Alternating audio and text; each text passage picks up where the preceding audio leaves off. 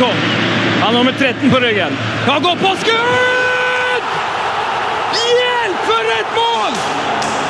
Det er over! Det er finito! Det er klart! Vi er ferdig! Heia fotball med Tete Lidbom og Sven Biskår Sunde. Heia fotball! Heia fotball! Hallo! Hei! What? Hey. Hva skjer, gutten? Ah, der, skal vi se. Jeg er i Oslo, skjønner du. Og, og så Er det et studio fra 1800-tallet, eller? eh, Ja, det her er da ærverdige eh, K94, eh, studio som Radioresepsjonen eh, brukte sin eh, gode tid på. Eh, Ja, ja, ja. Og så har eh, da Henning Rå og han Osnes, Erlend eh, som fornavn, vært her før meg. Og han eh, Osnes er jo en av verdens høyeste mennesker. Er høy, ja? Så jeg måtte prøve å dra ned mikken, men Altså Jeg merker at den mikken bør stå i ro mye i løpet av dagens sending. Ja, det skal han gjøre. Vært en fin fotballuke for gutten. Eh, ja, det vil jeg påstå. Hva har det gått i? Det har gått i egentlig Jeg, altså, jeg kan ikke huske sist jeg har sett så mye høydepunkter. Eh, mandagen eh, så brukte jeg altså he- hele mandagskvelden på å se høydepunkter. Eh, og det var helt uh, sjukt uh, gøy. Uh, Tippeliga, og det var Premier League, og det var Serie A, og, var, au, au, og, og altså Milan. Bakka, eller? Mitt kjære Milan og Bakka dura jo på med en voldsom kamp. Men det er nok, selv om Bakka skårer hat trick, og ikke akkurat er mindre selvbar nå enn han var før, så er det Donnarumma som var den store helten, som på overtid redda på straffe! Så deilig. Og Milan vant eh, 4-3. Så nå er det litt sånn, det er velstand for våre lag. nå, For jeg kjenner jo at liksom den der Manchester United-gnisten min er litt tent igjen nå. Ja. Er det litt samme for deg og Milan? Eh, nei. Nei! På ingen, på ingen måte. Eh, nei, det, det kan jeg ikke skryte på meg. altså. Og, og så må jeg bare huske på å si at jeg var på en ny fotballpub eh, i Trondheim i helga og så eh, flere kamper, men jeg så altså Burnley-Liverpool. Og til alle Liverpool-fans ut der Altså, jeg, jeg føler med dere. Altså, Den kampen er noe av det verste jeg har sett. Oh, ja. Altså, det Liverpool-laget Enn å være liksom så påtent eh, mot Arsenal, for så å ha ballen i 80 eh, av eh, kampen og være dårligst! Altså, Hvordan er det mulig? Vet ikke. Det er, det er det rare med fotballen, vet du. Det er altså Consistency. jeg er jo ingen Liverpool-fan, men eh, jeg tror og håper på bedre tider for Liverpool-supportere. Absolutt. Absolutt. Skal vi fyre i gang show, eller? Oh, yes! Vi har jo gjestenes gjester, da. Du, denne podden her, den kommer til å bli eh, meget, meget spennende. Jeg sier som Pharrell sa når han slapp en av de, um, en av de liksom mest uh, påventa nerdskivene. Oh? This oh? album is gonna melt speakers. Ah, face melting, air melting and brain melting. This podcast will melt speakers. Forhåpentligvis, da. Heia fotball, gutten! Heia fotball! You've never seen anything like this. Heia fotball! Å ja, å ja, å ja. Å ja. Um, dagens gjest, Tete Gutten, det er muligens den nordmannen som kan mest om eh, derbys og hatoppgjør i fotballen. Um, han har vært på flere av Nordens heteste oppgjør. Han har eh, sett fotball på fem kontinenter. Han har sett eh, Boca River, PSG Marseille, Celtic Rangers, Liverpool Manchester, Fenerbahçe Galatasaray, El Clásico og mye, mye mer. Og ikke nok med det! Dagens gjest er òg forfatter av en fantastisk fotballbok og jobber til daglig med å redde en ørken. Magnus Borgen, Takk skal du ha. velkommen til oss. Tusen hjertelig. Flott introduksjon. Bare hyggelig. Um, du, må, du må fortelle om hvilken ørken du skal redde.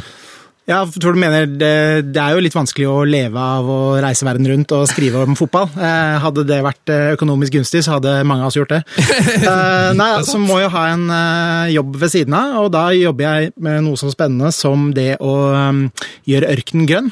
Altså det, Jeg jobber som kommunikasjonssjef i et selskap som heter Sahara Forest Project, som eh, rett og slett jobber med å stoppe ørkenspredningen. Ja. Og siden dette er et fotballprogram, så har jeg da sett tallene fra FN, da, og så har jeg regna ut hvor mye, eh, altså hvor mye areal av verden i fjor eh, ble omvandlet til ørken. Og svaret på det er 15 millioner fotballbaner. Dæven. Men, men eh, hva er greia med, med ørken, egentlig? Jeg, jeg trodde liksom ørken var like naturlig som en, eh, en skog. At det var på en måte jorda sin greie. Ja, men det som mange ikke vet er at eh, ørkenområder en gang, det var, eh, de var veldig grønne og frodige. Eh, Altså Ah. For 2000 år siden var jo Sahara-ørkenen, eksempel, som mange kjenner til, den var veldig grønn og frodig. Og så har jo da, etter åra som har gått, så, så er det jo en ørkenspredning akkurat nå som skjer 30 ganger raskere enn noensinne tidligere i menneskehetens historie. Og så er det klimaforandring. Ja, da er jo tørke en av årsakene. Så er det selvfølgelig mange som Altså, du overforbruker, du tar ut mer tømmer osv. enn det som eh, er forsvarlig. Eh, Og da får man altså dette tallet 15 millioner fotballbaner som forsvant i fjor, til ørkenområder. Så det vårt selskap jobber med, er jo da å eh, rett og slett bruke sol, saltvann og CO2 til å dyrke mat, vann eh, og energi i ørkenområder.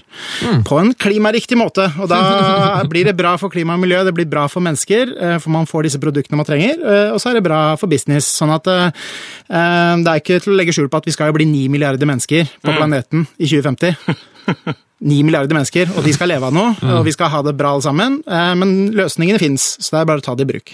Um, jeg, jeg tenker sånn Fredrik Hauge, og så og så har jeg, jeg har sånn der jeg, Jeg synes jeg har hørt en historie om at man skal bygge eh, solceller i hele Sahara, og så, og så kvitte seg mørken på den måten og bygge noe i skyggen, eller er, det, er, det, er dette her teori som stemmer, eller er det bare noe jeg har funnet på? Nei, det er helt riktig. Du nevner Fredrik Hauge, har vært en av driv og Bellona har vært en av drivkraftene bak dette selskapet jeg jobber i. Eh, Og For jeg trodde du jobba i Bellona. Jeg gjorde det før, eh, det er helt riktig. Jeg, jeg hadde sju fantastiske år i Bellona, eh, og jobba, jobba veldig tett på, på Fredrik. Jeg var hans eh, personlige rådgiverassistent, så det var veldig, en veldig morsom reise den gang. Jeg liker, liker at neste spørsmål som står her eh, i opplegget Vi har jo miljøuke i P3. eh, Redde verden litt. Eh, og så er det bare sånn Du redder jo verden ganske mye mer, da, egentlig. Ja, men det Alle Får han det til? Hva sa du, Sven? Får dere det til å redde verden? Ja, altså Vi jobber jo nå med konkrete prosjekter både i ørkenen i Jordan og i Tunisia. så det er, Ørkenen skal, ørken skal bli grønn en gang. Mm. Og ikke bare altså, Det er jo 44 land i verden med ørkenområder. Men uh, Er det, er det ørken i Norge? Hva sa du? Er det ørken i Norge? Nei, det er ikke ørken i Norge. Men uh, sant? akkurat nå så er det 200 millioner mennesker i verden som eh, leiter etter ferskvann. Uh, og, det, og sånn at det er klart Tørke er en, er en viktig utfordring. Men det fins jo løsninger, sånn at det gjelder bare at alle gode krefter tar det i bruk. Mm. Er fotballfans gode til å redde miljøet? Er det noen, er det noen klubber som er gode på, på miljøet? Ja, det vil jeg si. Eh, nå tror jeg ikke sånn fotballfans, fotballklubber er noe, på en bedre eller dårligere enn eh, andre i samfunnet ellers, men, men jeg må jo på en måte trekke fram av de Jeg har jo vært så heldig å fått reist og sett fotball i over 20 land, og den klubben som jeg mener har eh, tatt blant de klubbene som har tatt mest tak i dette her, det er jo Borussia Dortmund. Ja. For Borussia Dortmund, der er alle fasiliteter. Det er 100% ren energi, og de har solceller på taket av denne Vestfallen stadion, som nå ikke heter Vestfallen lenger. Og de har eh, stort fokus på transport til matcher, eh, resirkulering av avfall, eh, bruker strømmen rett og slett smartere, og har dette som en del av sin måte å skille seg ut på fra andre klubber. Og da er jeg såpass pragmatisk da jeg tenker at når fansen er veldig stolt av det, så Ja. uavhengig hvor miljøopptatt du egentlig er. Men dette er litt sånn som vi fotballfans og alle vi som er glad i fotball. Vi, altså Bare at klubben vår er best i noe. Ikke sant? Ja, men det Ja, det er et godt poeng. Så tenker Jeg sånn, jeg er pragmatisk i det, altså motivasjonen for det. Og det er mange i Dortmund. Er bare, vi er Bundesligas beste klubb på det. Dødsfett. Kanskje ikke så opptatt av det til vanlig, eh, og kanskje ikke er det i sine privatliv, men har en tilhørighet og stolthet rundt at klubben sin er best på det. Eh, Og Litt av det samme ser man også i Sverige nå, faktisk, hvor Stockholmsklubbene driver med sånn innbyrdes konkurranse om hvem som er best på klima og miljø. og det, jeg tenker at det det er noe som er veldig kult. eh, Og, og hvis fotballen kan bidra til det, så er det helt strålende. Mm. Vi må litt inn på fotballen. Har du spilt noe fotball sjøl, eller er du en tribunefan? Sofa- Sofasupporter? Jeg, spilt, eh, jeg spilte fotball i 20 år, egentlig fra, fra 5-6 år gammel, mm. til jeg la opp eh, Jeg vil ikke si på topp, men jeg la opp, la opp som 25-26-åring. Eh, Du, du var vel med i en ganske sånn berykta årgang i Vålerenga der? Ja, Stemmer det. 1981-årgangen i Vålinga. Jeg er jo jeg, var jeg er født og oppvokst på Vålinga. Jeg bodde 100 meter fra Vålinga kirke da jeg var liten. Og hele Vålinga er jo liksom klubb, og miljø, miljøet i den bydelen er jo Der er man jo veldig opptatt av dette med rivalisering. ja. Altså, Man vokser jo inn i et idrettsmiljø. Det er fotball sommerhalvåret, så er det hockey vinterhalvåret. Og så er det jo voldsomt sånn identitetsskapende, og så er det på en måte Du har disse, du har jo hele tiden lokale oppgjør på Vålerenga, altså og, og kampen. altså Du har liksom skole mot skole, klasse mot klasse, blokk mot blokk. Og det her er jo litt sånn så sikkert mange kan kjenne seg til, i hvert fall vi som har vokst opp i, i byer, kjenner jo til det her at at vi er jo egentlig ganske like som de på naboskolen, men Ja. dæven, det er jo ikke noe som svir mer eh, når, liksom, når jeg går, går i femte klasse og det er skolematch. Ja. Å tape mot naboskolen, det er jo, da går det og depper dagevis og ukevis, ikke sant? Så litt av dette her var jo det miljøet jeg vokste opp i, og den 1981-årgangen i, i Vålinga som, som jeg hadde gleden av å følge på en måte fra jeg var eh, mini-miniputt til jeg var junior. Jeg hadde jo eh, mange gode spillere innom, eh, og må jo skryte litt. Altså, vi var jo Norges def definitivt beste lag der i, gutteklassen. Før, eh, før vi etter hvert ble splitta opp og, og sånne ting. Men eh, nei, det var en eh, Jeg har brukt mye tid på Valhovin opp gjennom oppveksten. Var det noen kjente spillere derfra, eller som folk husker igjen? Ja. Som har kommet videre? Jeg tror mange kjenner jo til eh, en fyr som Thomas Holm, som var Ja. sentral midtbane. Eh, Thomas var jo, jeg mener er virkelig et av Norges absolutt største talenter. Eh, Han dro jo til Nederland, Heerenveen, da han var 17. Han spilte Champions League mot Valencia da han var 19. og, og tjente noen millioner kroner på det, en del millioner på det oppholdet han hadde der. Men, eh, og så kom han tilbake igjen og, og var god i, i Vålinga med en periode de var gode, og dro til Molde, vel. Og så spilte jo Pamadou Ka, som mange kjenner til, var jo også Yes. en del av, av dette miljøet her. Og, og han er jo var og er en fantastisk fyr. Ja, Er det Norges herligste fotballspiller, kanskje? Altså, Altså, kongen av Tøyen. Kongen av Tøyen. det blir ikke mye bedre enn det. Han, det var lakk i ripa og, og mange gode kommentarer, og alltid sang og dans og glede. og, og alltid ut og ta en kebab etter match, og det var, det var strålende. Han kjente eh, Når du gikk litt på Tøyen og Grønland og Oslo eh, sentrum, rundt Oslo S der, altså alle kjenner på. Ja. Det, så han eh, Nei, men det er veldig, veldig gøy. Jeg mener jo at eh, historien om Pamodoka er kanskje det nærmeste Norge kommer Zlatan. Hvis du glemmer liksom verdensstjernestatusen. Men det at han skulle på en måte lykkes med å ha en hva blir det for noe? 15-16 år lang karriere som profesjonell fotballspiller. Mm. Det er en historie som, som hadde fortjent mer oppmerksomhet, for det- han har virkelig kjempa og slåss seg fram, Ja. eh, og mot mye odds. Så det Nei, han er eh, Og så er han hel ved. Ja. Super fyr. Jeg hørte at han nesten var for god når dere spilte sammen. Det stemmer, det. Altså, storyen her er jo egentlig at Pa er jo den eneste personen i Norge som har gått fra det dårligste juniorlaget til A-laget på en og samme sesong. Og det skyldtes jo litt personligheten hans, men han hadde jo et helt vanvittig spektakulært talent. eh, Men han kom jo også en del kontroverser med, med særlig eh, junior- elitetrenere i Vålerenga som, som ville ha det på sin måte, og det Pa ville gjerne ha det på sin. Eh, Så nei, å spille midtstopper sammen med Pa, det var jo han Da var han jo både på høyre og venstrebekk og midtstopper samtidig. Så vi andre som vi andre som på en måte tenkte yes, nå har jeg denne huddelen, da kom plutselig Pa flyende inn fra sida og klaska ballen vekk med skallen sin. Han skulle fikse alt eh, Han sammen. Pa fiksa alt. Eh, Og jeg må jo le, da, for jeg har jo fulgt litt med, jeg følger følger med en ganske tett. eh, Borti, han er jo nå i Vancouver Whitecaps, han har jo spilt mange år i, flere år i USA. Og han pleier jo alltid å vinne de statistikkene i USA på mannen som vinner flest huddeler og er i flest huddeler. Og da må jeg alltid glise når jeg på en måte kjenner på, for han er, på en måte, det er akkurat samme fyren. Han oppsøker de huddelene og vil eh, han er jo en, han er en herlig fyr. altså Han sprer jo mye humør. og jeg ser jo den klubben han er i nå, de beholder han jo egentlig primært fordi at, uh, han er en unik fyr å ha i garderoben. ikke sant? Folk vil være sammen, han tar seg av de unge, det er alltid gøy og moro.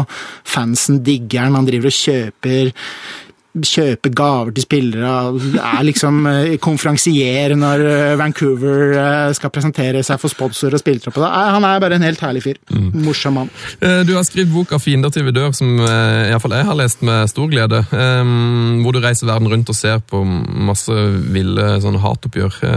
Hva er det mest eksotiske oppgjøret du har vært på, vil du si? Ja, det er noen å velge mellom. Jeg må jo si, altså Hele dette opplegget starta jo med at uh, jeg fikk Altså Det var en helt fantastisk fyr som heter Per Borglund, som jobba i Aftenposten eh, forlag. Eh, Han som nå gir ut dette Mat fra Norge-magasinet. Ja. Og han, eh, Jeg jobba litt sånn strøjobber i Aftenposten. eh, Hadde satt blant annet og livedekka Premier League. og så var det en påske der hvor, hvor jeg satt og livedekka en sånn Wiggen Bolton og tenkte at her sitter det 14 stykker i andre enden på en god dag og følger med på den liveoppdateringen. Så Ja, det dette kan jeg ikke bruke livet mitt på.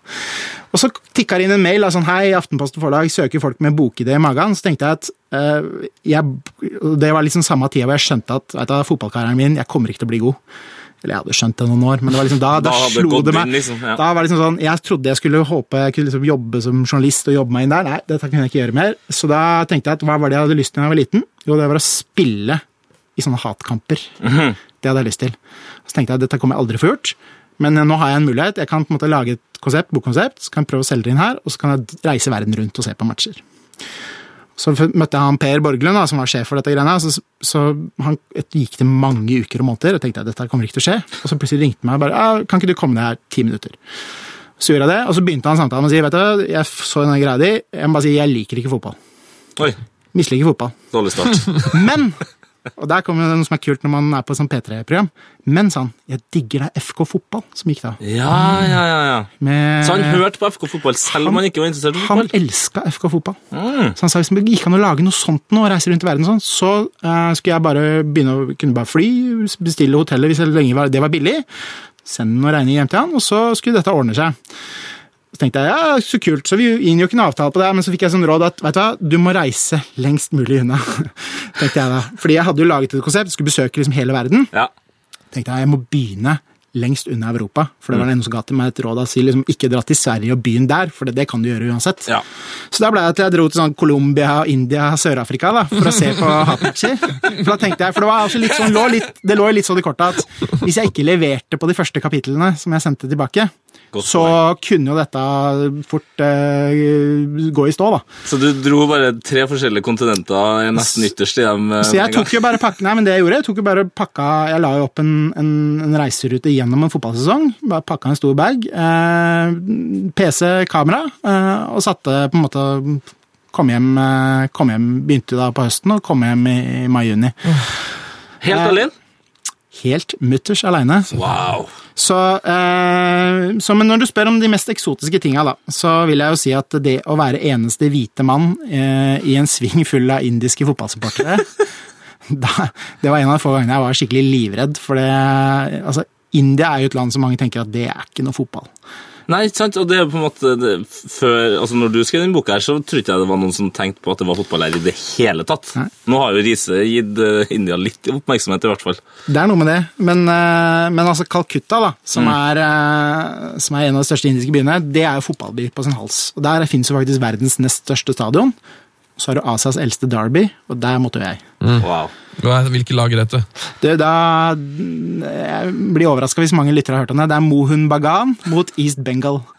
Og en måte konflikt, Alle disse kampene som jeg har besøkt, har jo da, ikke sant, du har jo noen sånne skillelinjer og konflikter. Og her er det, Dette er et derby som har holdt på siden 1920-åra.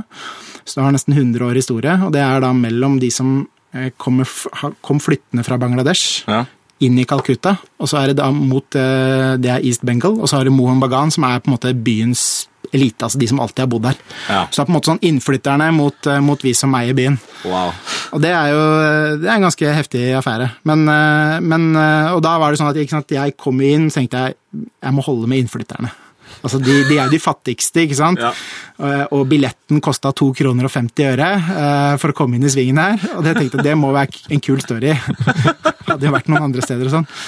Men, eh, nei, men det var veldig sært, for da står det liksom 30 000 indere, og det, det er jo en en litt sånn rar fotballkultur der. Eh, Altså, folk er som regel høflige i starten, og så blir det mer aggressivt etter hvert som, som matchen utvikler seg. Jeg klarer ikke å se for meg en aggressiv indier. Altså, det er, de, de er jo så rolig, alle indiske mennesker har møtt. Nei, men så skal det to, to gale dommeravgjørelser til og en håpløs høyrebekk, da. Så begynner jo pumpa å gå der òg. Akkurat som resten av verden, med andre ord. Yes, og det er det som er så deilig når du reiser rundt i verden. Det er på en måte noe som er universelt. da. Ja. Og så er det den stoltheten og tilhørigheten. ikke sant? Mange føler med at når du står på den tribunen, så er det veldig mange av tilhengerne på en måte som blir så sugd inn i at man nærmest sånn er klubben. Mm. Eh, og det kjenner jo mange andre fansa til sikkert her i Norge òg, men, men jeg tror litt sånn når du virkelig ikke eier nåla i veggen, og da likevel har brukt de 2 kronene og 50 øre for å gå inn der, så er det øyeblikket, altså de 90 minuttene, blir så viktig for deg. I tillegg til at det er mot erkefienden, som altså Det handler så mye om identiteten din.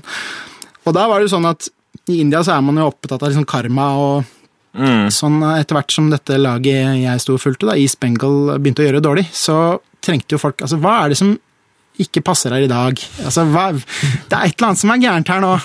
Og der var det at det, det sto en hvit mann på tribunen.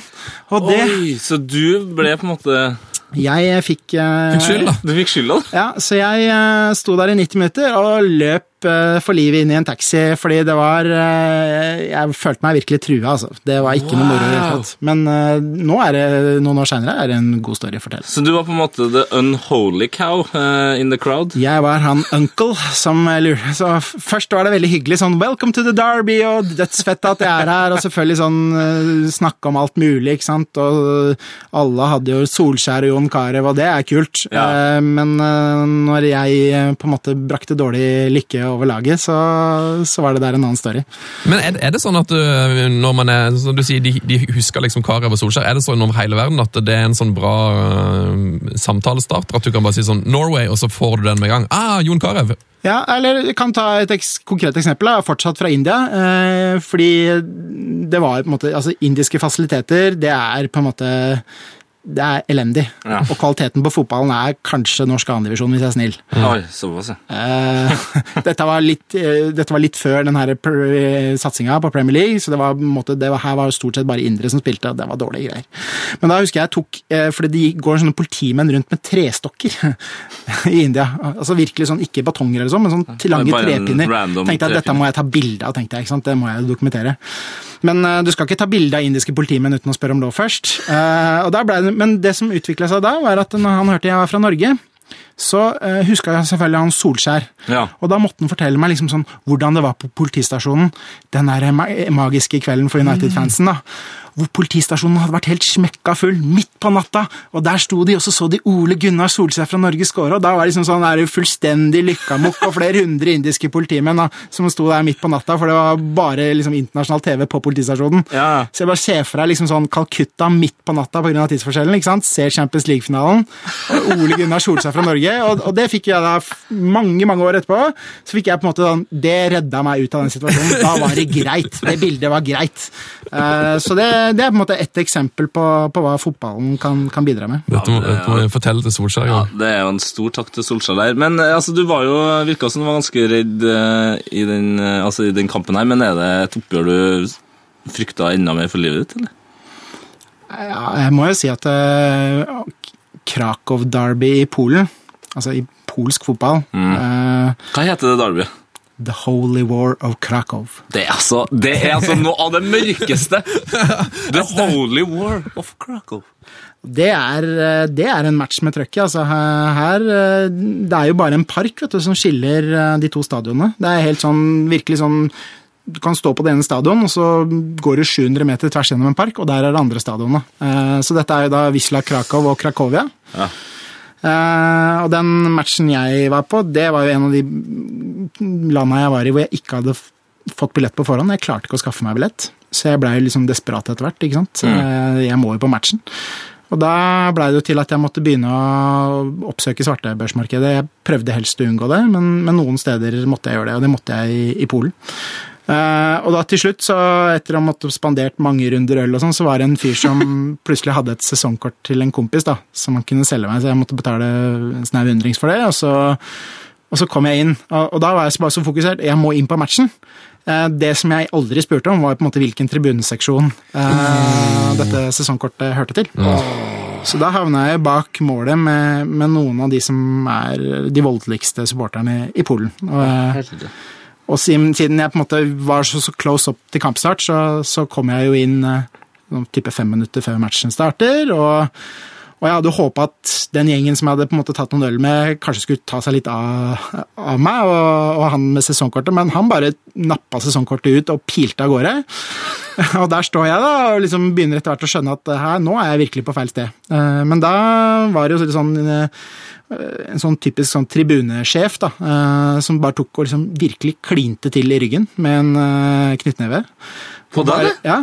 Og bare liksom du steller deg, og så ble jeg liksom dytta inn, liksom nærmest mot gjerdet. Som skilte da, og Bak det gjerdet var politi, og så var det da Krakowia-fansen som sto der. Så jeg sto på en måte sånn så nærme, så virkelig i skuddlinja, da.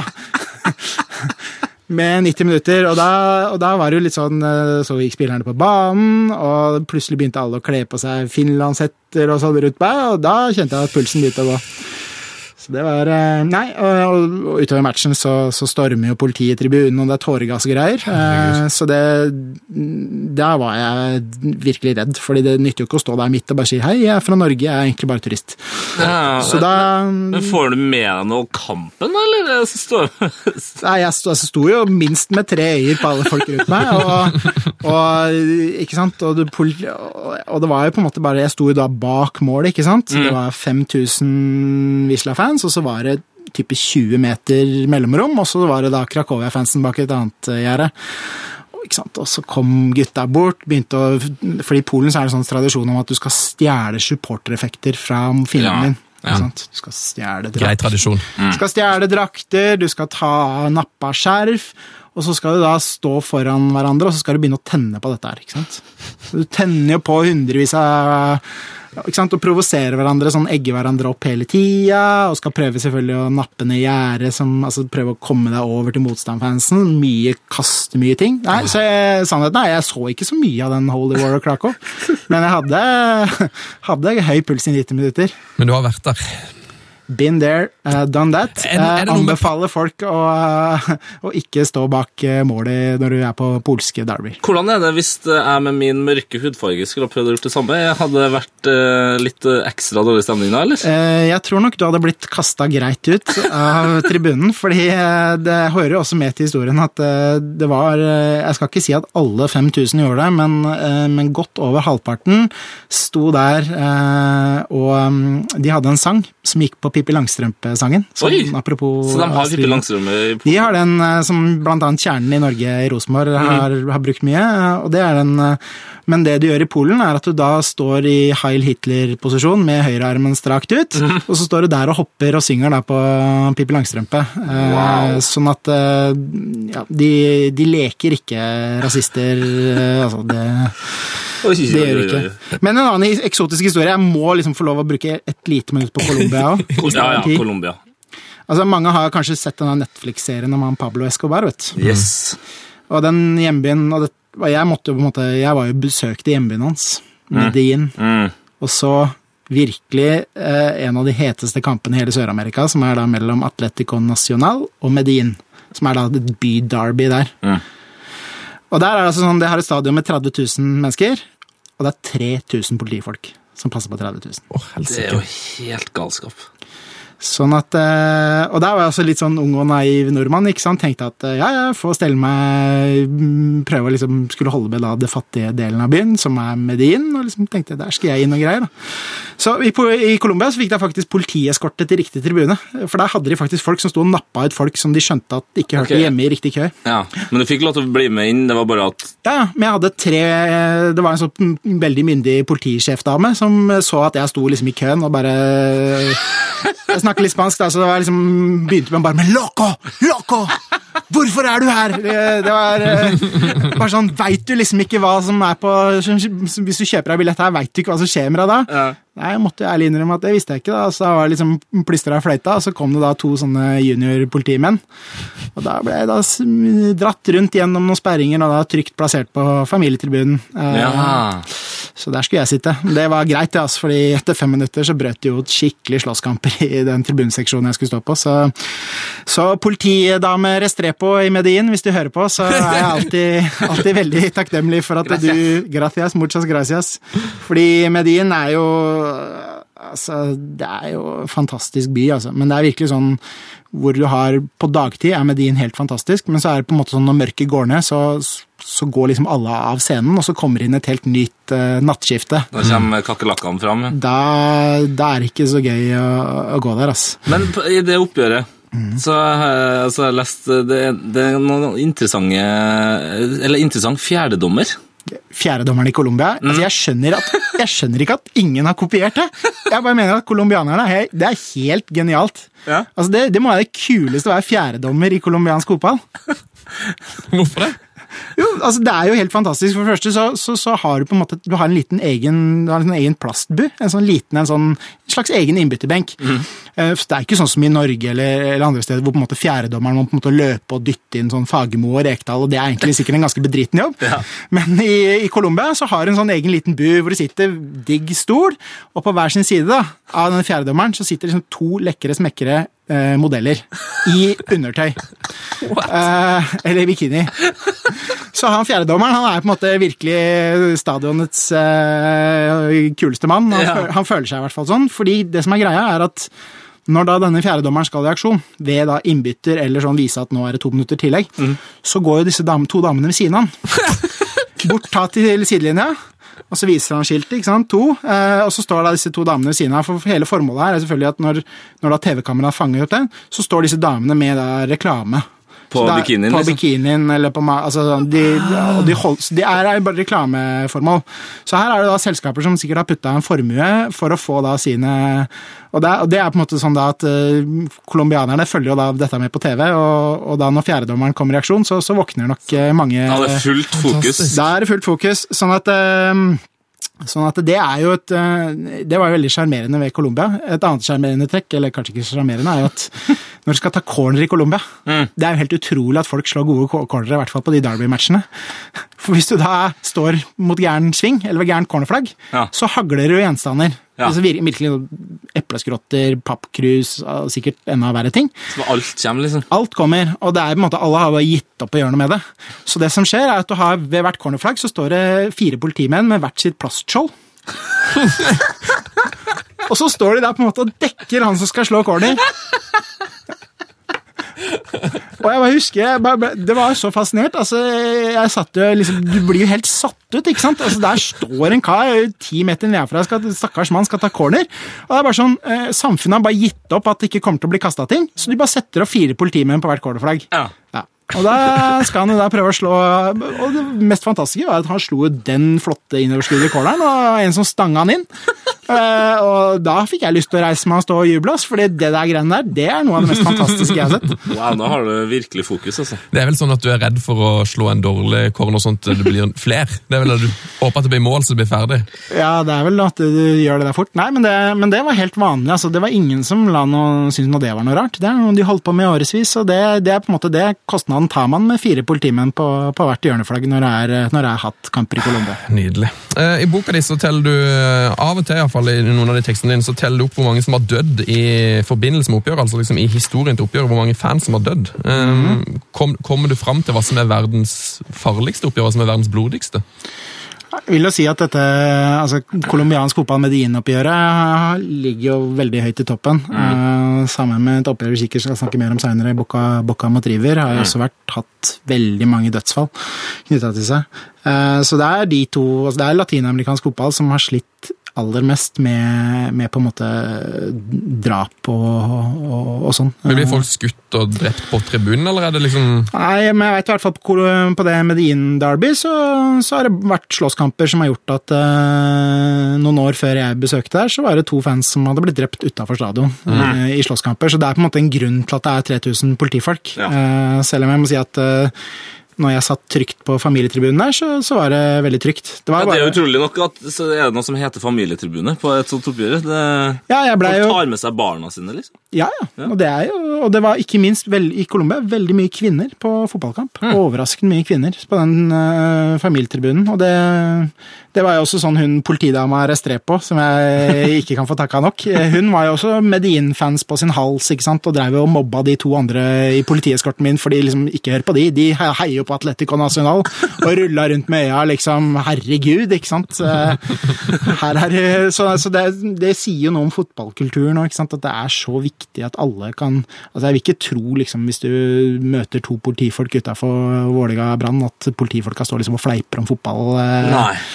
Så det er um, Så det er noe godlynt uh, rivalisering i all den Absolutt, og det er jo ikke alle land hvor du på en måte har dette voldelige innslaget nødvendigvis heller. Altså, jeg var i Johannesburg, eh, Sør-Afrika, så um, Kaiser Chiefs mot Orlando Pirates. Og der er jo på en måte derby et fest. Ja. Altså, folk møter opp fire-fem timer på stadion før man står og synger, og så er det vennskapelig mobbing, men det er ikke noen, men hvis noe skille mellom supportere. Altså, de står side om side. Altså, det er en miks, egentlig, hele stadion. Det er nesten som et karneval, er det ikke? Med, med Jo. disse hattene og Det er, ikke sant, det er jo brillene mye sånn. mer en sånn folkefest, så det, er, det er sånn, så det er ikke nødvendigvis når man sier hatkamper. Ja, det er selvfølgelig en rivalisering som ligger i bånn, men det betyr ikke at uh, folk skal drepe hverandre eller slå høl i huet. Men det er ikke, det er ikke lite folk på den uh, Johannesburg-kampen? Ja. Nei, der er det Men de flytter jo gjerne denne matchen litt rundt i landet, fordi Og det er liksom en sånn ja, eventgreie? det er nesten? en eventgreie, så Ja. de, og de fyller jo stadion uansett hvilken by de spiller i. Ja. Uh, men uh, hvis den spilles i Johannesburg, så er det jo fort vekk 80 000 på tribunene. Altså. Wow. wow. Eh, I boka di så skriver du jo om Roma Lazio. Og der er, det, der er det en historie som jeg husker så, så, på en måte såpass godt at jeg nesten må bestille henne igjen fra deg. Eh, som involverer en, en Lazio-spiller er vel på 60-70-tallet og en gunner. Ja, det stemmer det. Altså, Lazio er jo ikke sant, I Roma så har jo Lazio er den eldste klubben. De ble stifta rundt 1900. Mens A- Roma er jo en mer sånn samlingsklubb som ble, eh, som ble på en måte, hvor det slo sammen flere klubber på slutten av 1920-tallet. Men så Lazio, og Lazio fikk jo tilbud om å være med i den samme samarbeidsgreia, og bare sa nei. Det gidder ikke vi. Vi er noe for oss sjøl. Så de har på en måte egentlig i over 100 år så har Lazio liksom dyrka den der at vi er noe for oss sjøl, og skaper seg et image, vil jeg si. Ja. Og, og på 70-tallet, så da Lazio hadde en, en, mm, storhetsperiode, så skapte jo de et veldig sånn myte rundt seg sjøl. At de var tøffe, eh, at de var knallharde. Um, og da er det jo denne boka til en som heter John Foot, som skriver en, en bibel om italiensk fotball som heter Calcio, mm. på engelsk. Alle bør lese den, som er opptatt av italiensk fotball. Men der skildrer han eh, en story på at eh, på disse i Lazio-troppen så på en måte, det, det var jo en gjeng med rabiate folk. Altså, I Italia på den tiden så var det vanlig at du tok av deg leggskinn når du trente, og så spilte du med leggskinn i kamp. ja. Eh, mens her var det omvendt. I Lazio så måtte du ha på deg leggskinn på trening, for det var der du fikk tofotstaklinger så folk som skulle ta deg. Ja. Og da er det jo altså høyrebekken i denne Lazio-troppen som, som på en måte ville ta på seg rollen som mest gærne. Det er bare å sø søke opp eh, Sergio Petrelli. Prøve å finne sånn Panini-kort med han. Da står han der med, med sølvkjede utapå og ser virkelig ut som altså Det er ikke en fyr jeg har lyst til å møte i en mørk bakgata. Men han, eh, han og flere av spillere gikk rundt med gunnere. Og han Sergio Petrello eh, ville jo også skape seg et image som han eh, største badboyen i, største badboyen i italiensk fotball på den tida. Stilig, altså. Jeg ser på noen bilder nå. Sergio Petrelli. Herregud. Ja. Så det han gjorde For det første var det litt sånn ikke sant, rundt et Derby-oppgjør, så, så kom jo Roma-fansen utafor Lazio-fansens hotell. Og skulle liksom lage litt eh, Skulle prøve å få de til å være våkne gjennom hele natta. Lagde lyder og sånn. Da dro Petrelli opp gunneren og bare smalt i noen lyktestolper rundt, og da ble det ikke noe mer bråk rundt det. Ja. Men eh, den storyen du tenker på, Sven, er kanskje når de skulle legge seg, da, og Petrelli og, og romkameraten ikke sant? Som Når du bor på en romkamerat og gutter på tur, så diskuterer man alt mulig. Og da var det jo bare sånn hvem som skulle skru av lyset når de skulle gå og legge seg. Og du skulle ikke få Petrelli til å reise seg opp av senga, nei, og han andre skulle da være sta for å markere revir, og da dro jo plutselig han Petrelli bare opp gunneren fra nattbordet da, og skøyt lampa. Nå er det natta, nå er det mørkt. Altså, jeg, jeg sitter så Så da, så da ble det ikke noe mer bråk på det rommet den kvelden, eh, tror jeg. altså. Altså, Jeg sitter og ser på Sergio Petrelli her nå, eh, og han ser ut som en meget kjekk mann. Glad i Altså, Han har på et bilde her det dypeste V-halsen jeg har sett i en fotballdrakt noensinne. Og der altså, er det jo, spiller han jo på Roma. Så, gjorde det. så Han- han er så gæren nå. altså Én ting er Gunneren, men han har altså da spilt på både Lazio og Roma. Yes, og det er derfor han mente at han også kunne skremme Roma-fansen litt. For han mente at han spilte jo i Roma, og så dro han til Lazio. Så han mente at det, dette kunne han gjøre, da. Så nei, eh, les boka til John Foot Calcio. Mer om han Sergio Petrelli der. Wow. Eh, vi må ta en eh, Vi må ta oss og rangere litt her. Eh, tenkte du kunne ta oss og gi oss dine topp fem rivalerier? Dine topp fem kamper? Vanskelig, ass. Det er jo eh, veldig mange Og det, du kan jo lagre alle mulige kriterier, da. Men eh, du kan jo på en måte lagre en sånn hipsterliste om kamper ikke folk har hørt om og sånn. Men, jeg- men jeg måte har jo valgt å, å lage en liste som, som handler om litt sånn hvilken rolle det både spiller i det landet hvor matchen går, men også kanskje litt sånn internasjonal eh, at verden følger litt med når denne kampen går av stabelen. Og da har jeg jo eh, skikkelig mainstream-valg, selvfølgelig, men, men eh, den heteste matchen i England er jo Manchester United mot Liverpool. Ja. Det er det ingen tvil om. Ja, er det det, ja? Jeg mener det, eh, men det er selvfølgelig kommer sikkert til å hagle inn med folk som er helt uh, motsatt uh, mening, og Nei, det drar fram alt fra London Derby til ellers. Men altså Manchester og Liverpool, hvis du ser på historien til de byene, da, Ja. hvis du ikke bare tenker fotball, men liksom ser på hvordan de egentlig har vært i tottene på hverandre helt siden 1800-tallet, med, med Liverpool som havneby, Manchester som industriby, og på en måte hvor den gjensidige avhengigheten, men at det likevel har på en måte to forskjellige hovedfokus, men at hvis arbeidsledigheten går opp i en by, så har det på en måte, da har det vært at liksom, de der på havna i Liverpool er så forbanna late, eller hvis arbeidsledigheten i Liverpool har gått opp, så er det ja, industribyen Manchester, fader ass, Ja. nå driver du og koker mye rart på de fabrikkene deres. Så på en måte du har den, du har den i, i bakgrunnen, men så er det klart sånn som Sånn som eh, altså Du har jo på en måte både den gamle United-treneren Ron Atkinson, som, som mente at en tur til Anfield var som å reise til Vietnam eh, på 80-tallet der. Og så har det Alex Ferguson, ikke sant, som, som gjennom 25 år eh, på en måte sa han, han sa han brukte jo dette for det det var verdt, eh, selvfølgelig. Men han var jo veldig sånn at ja, ja, Manchester Derby, det er stort, det, ass. Men for meg er sesongens viktigste match mot Liverpool. Det sa jo Alex Ferguson foran enhver match. Og det står, er jo også på en måte, når han skal oppsummere karrieren hans, hva er det største Ferguson har opplevd? Eh, Eller hva er det mener han er det største han har oppnådd da, i United? Så svarer han liksom sånn typisk eh, skotsk, ikke sant, at det var, å, det var å få rive ned Liverpool fra den helvetes tronen de satt på eh, der. Så det, måte, det var jo litt hans mission ikke sant, når han tok over på 80-tallet. Det, det var jo det var jo på en måte å få ned Liverpool. Så det for meg er Og det så du også ikke sant, når Liverpool vant Champions League i 2005 liksom, så, så sto fansen hva var det, sto utafor stadion og sang. Det var sånn Are you watching? Are you watching? Are you watching Manchester? Ikke Ja, sant? altså, Den- det, er nesten, det, det er nesten viktigere Yes. enn i seg sjøl å vinne Champions League. Ja, ja. Og det samme når, når United da vant gullet i 2011, var det vel, og endelig kom, fikk flere ligatitler enn Liverpool. Hva var det fansen sang? Det var jo om Liverpool fulgte med på det som nå skjedde. Ja. Så de har jo, og jeg mener når du er på de kampene i England, så, så har du jo Egentlig gjennom hele matchen så er det jo stort sett hatsanger det går i, vitser eh, Og det av er spillere og byer og ja, og det er mye, det går jo særlig egentlig på byer, altså Ja. den byen du er fra. ikke sant? Eh, Det er den som skal rives ned og, Mm. og terges opp. Så, så det for meg er, er, er en stor match, og det har jo veldig mange i Norge et sterkt forhold til òg. Mm.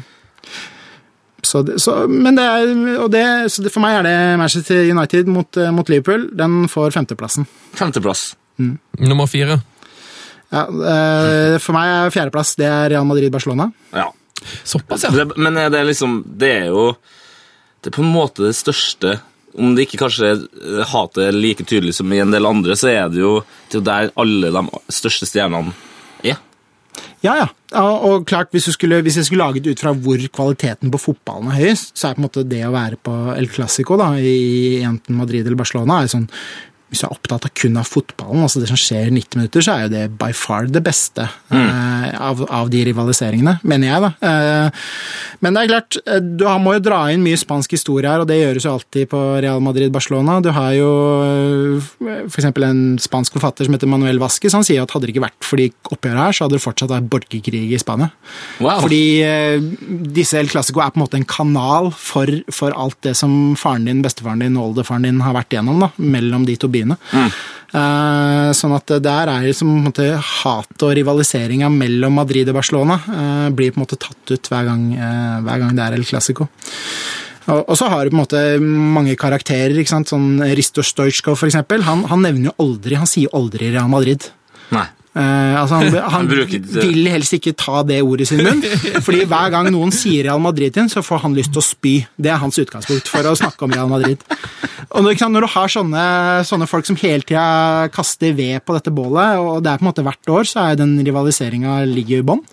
Eh, og det Og så møtes de jo så ofte òg, fordi de, er, de kan møtes i både Champions League og i cup og altså supercup. Altså, de møtes jo hele tida. Ikke sant? Og, nå, nå driver, og de krangler jo, ikke sant? hvem er det som skal ha størst, flest fans i Asia? Altså, de driver en sånn der global kamp. Hvis du, hvis du på en måte går litt vekk fra det på fotballbanen, da, som jeg ofte har prøvd på i min bok, Ja. liksom bare se på den rivaliseringa, så er det det gjennomsyrer. ikke sant? Bare sånn, Hvem får hvilke spillere? Eh, og så piskes det opp ikke sant? Av, av mange spanske sportsaviser. altså Det er jo blant de landene i Europa i hvert fall, med flest sportsaviser. Du har jo Marca AS, altså du kan jo lese deg i hjel på sportsaviser i Spania. og klart, De skal fylle 20 sider med innhold, eh, 25 sider med innhold hver eneste dag. Og mye av de, mange av de sidene er jo fotball, og da er jo Real Madrid og Barcelona, så det er alltid noe som piskes opp. Eh, sånn at det for meg er, er Real Madrid-Barcelona for fjerdeplassen hos meg. Jeg liker at, eh, for jeg tenker jo at sånn, eh, Hvis man ser på TV-tall, og sånn, så er jo på en måte det sikkert det mest kjente oppgjøret i hele verden. Så jeg er spent på hva som er tredjeplassen her.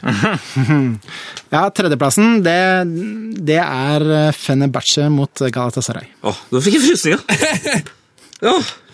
Og, og det er jo eh, Det er jo ikke på en måte, det er ikke noe kamp eh, man sitter og ser på andre steder i verden, hvis ikke man er tyrker. Men altså, Tyrkia som fotballand, det er jo det villeste av det ville i Europa. Fordi, eh, altså eh, i, I Tyrkia så er det ikke sosialt akseptert å ikke være opptatt av fotball. Det er rett og slett ikke greit. Altså, det er en undersøkelse som, som på en måte sier at ni av ti tyrkiske menn er, er, følger tyrkisk ligafotball hver runde.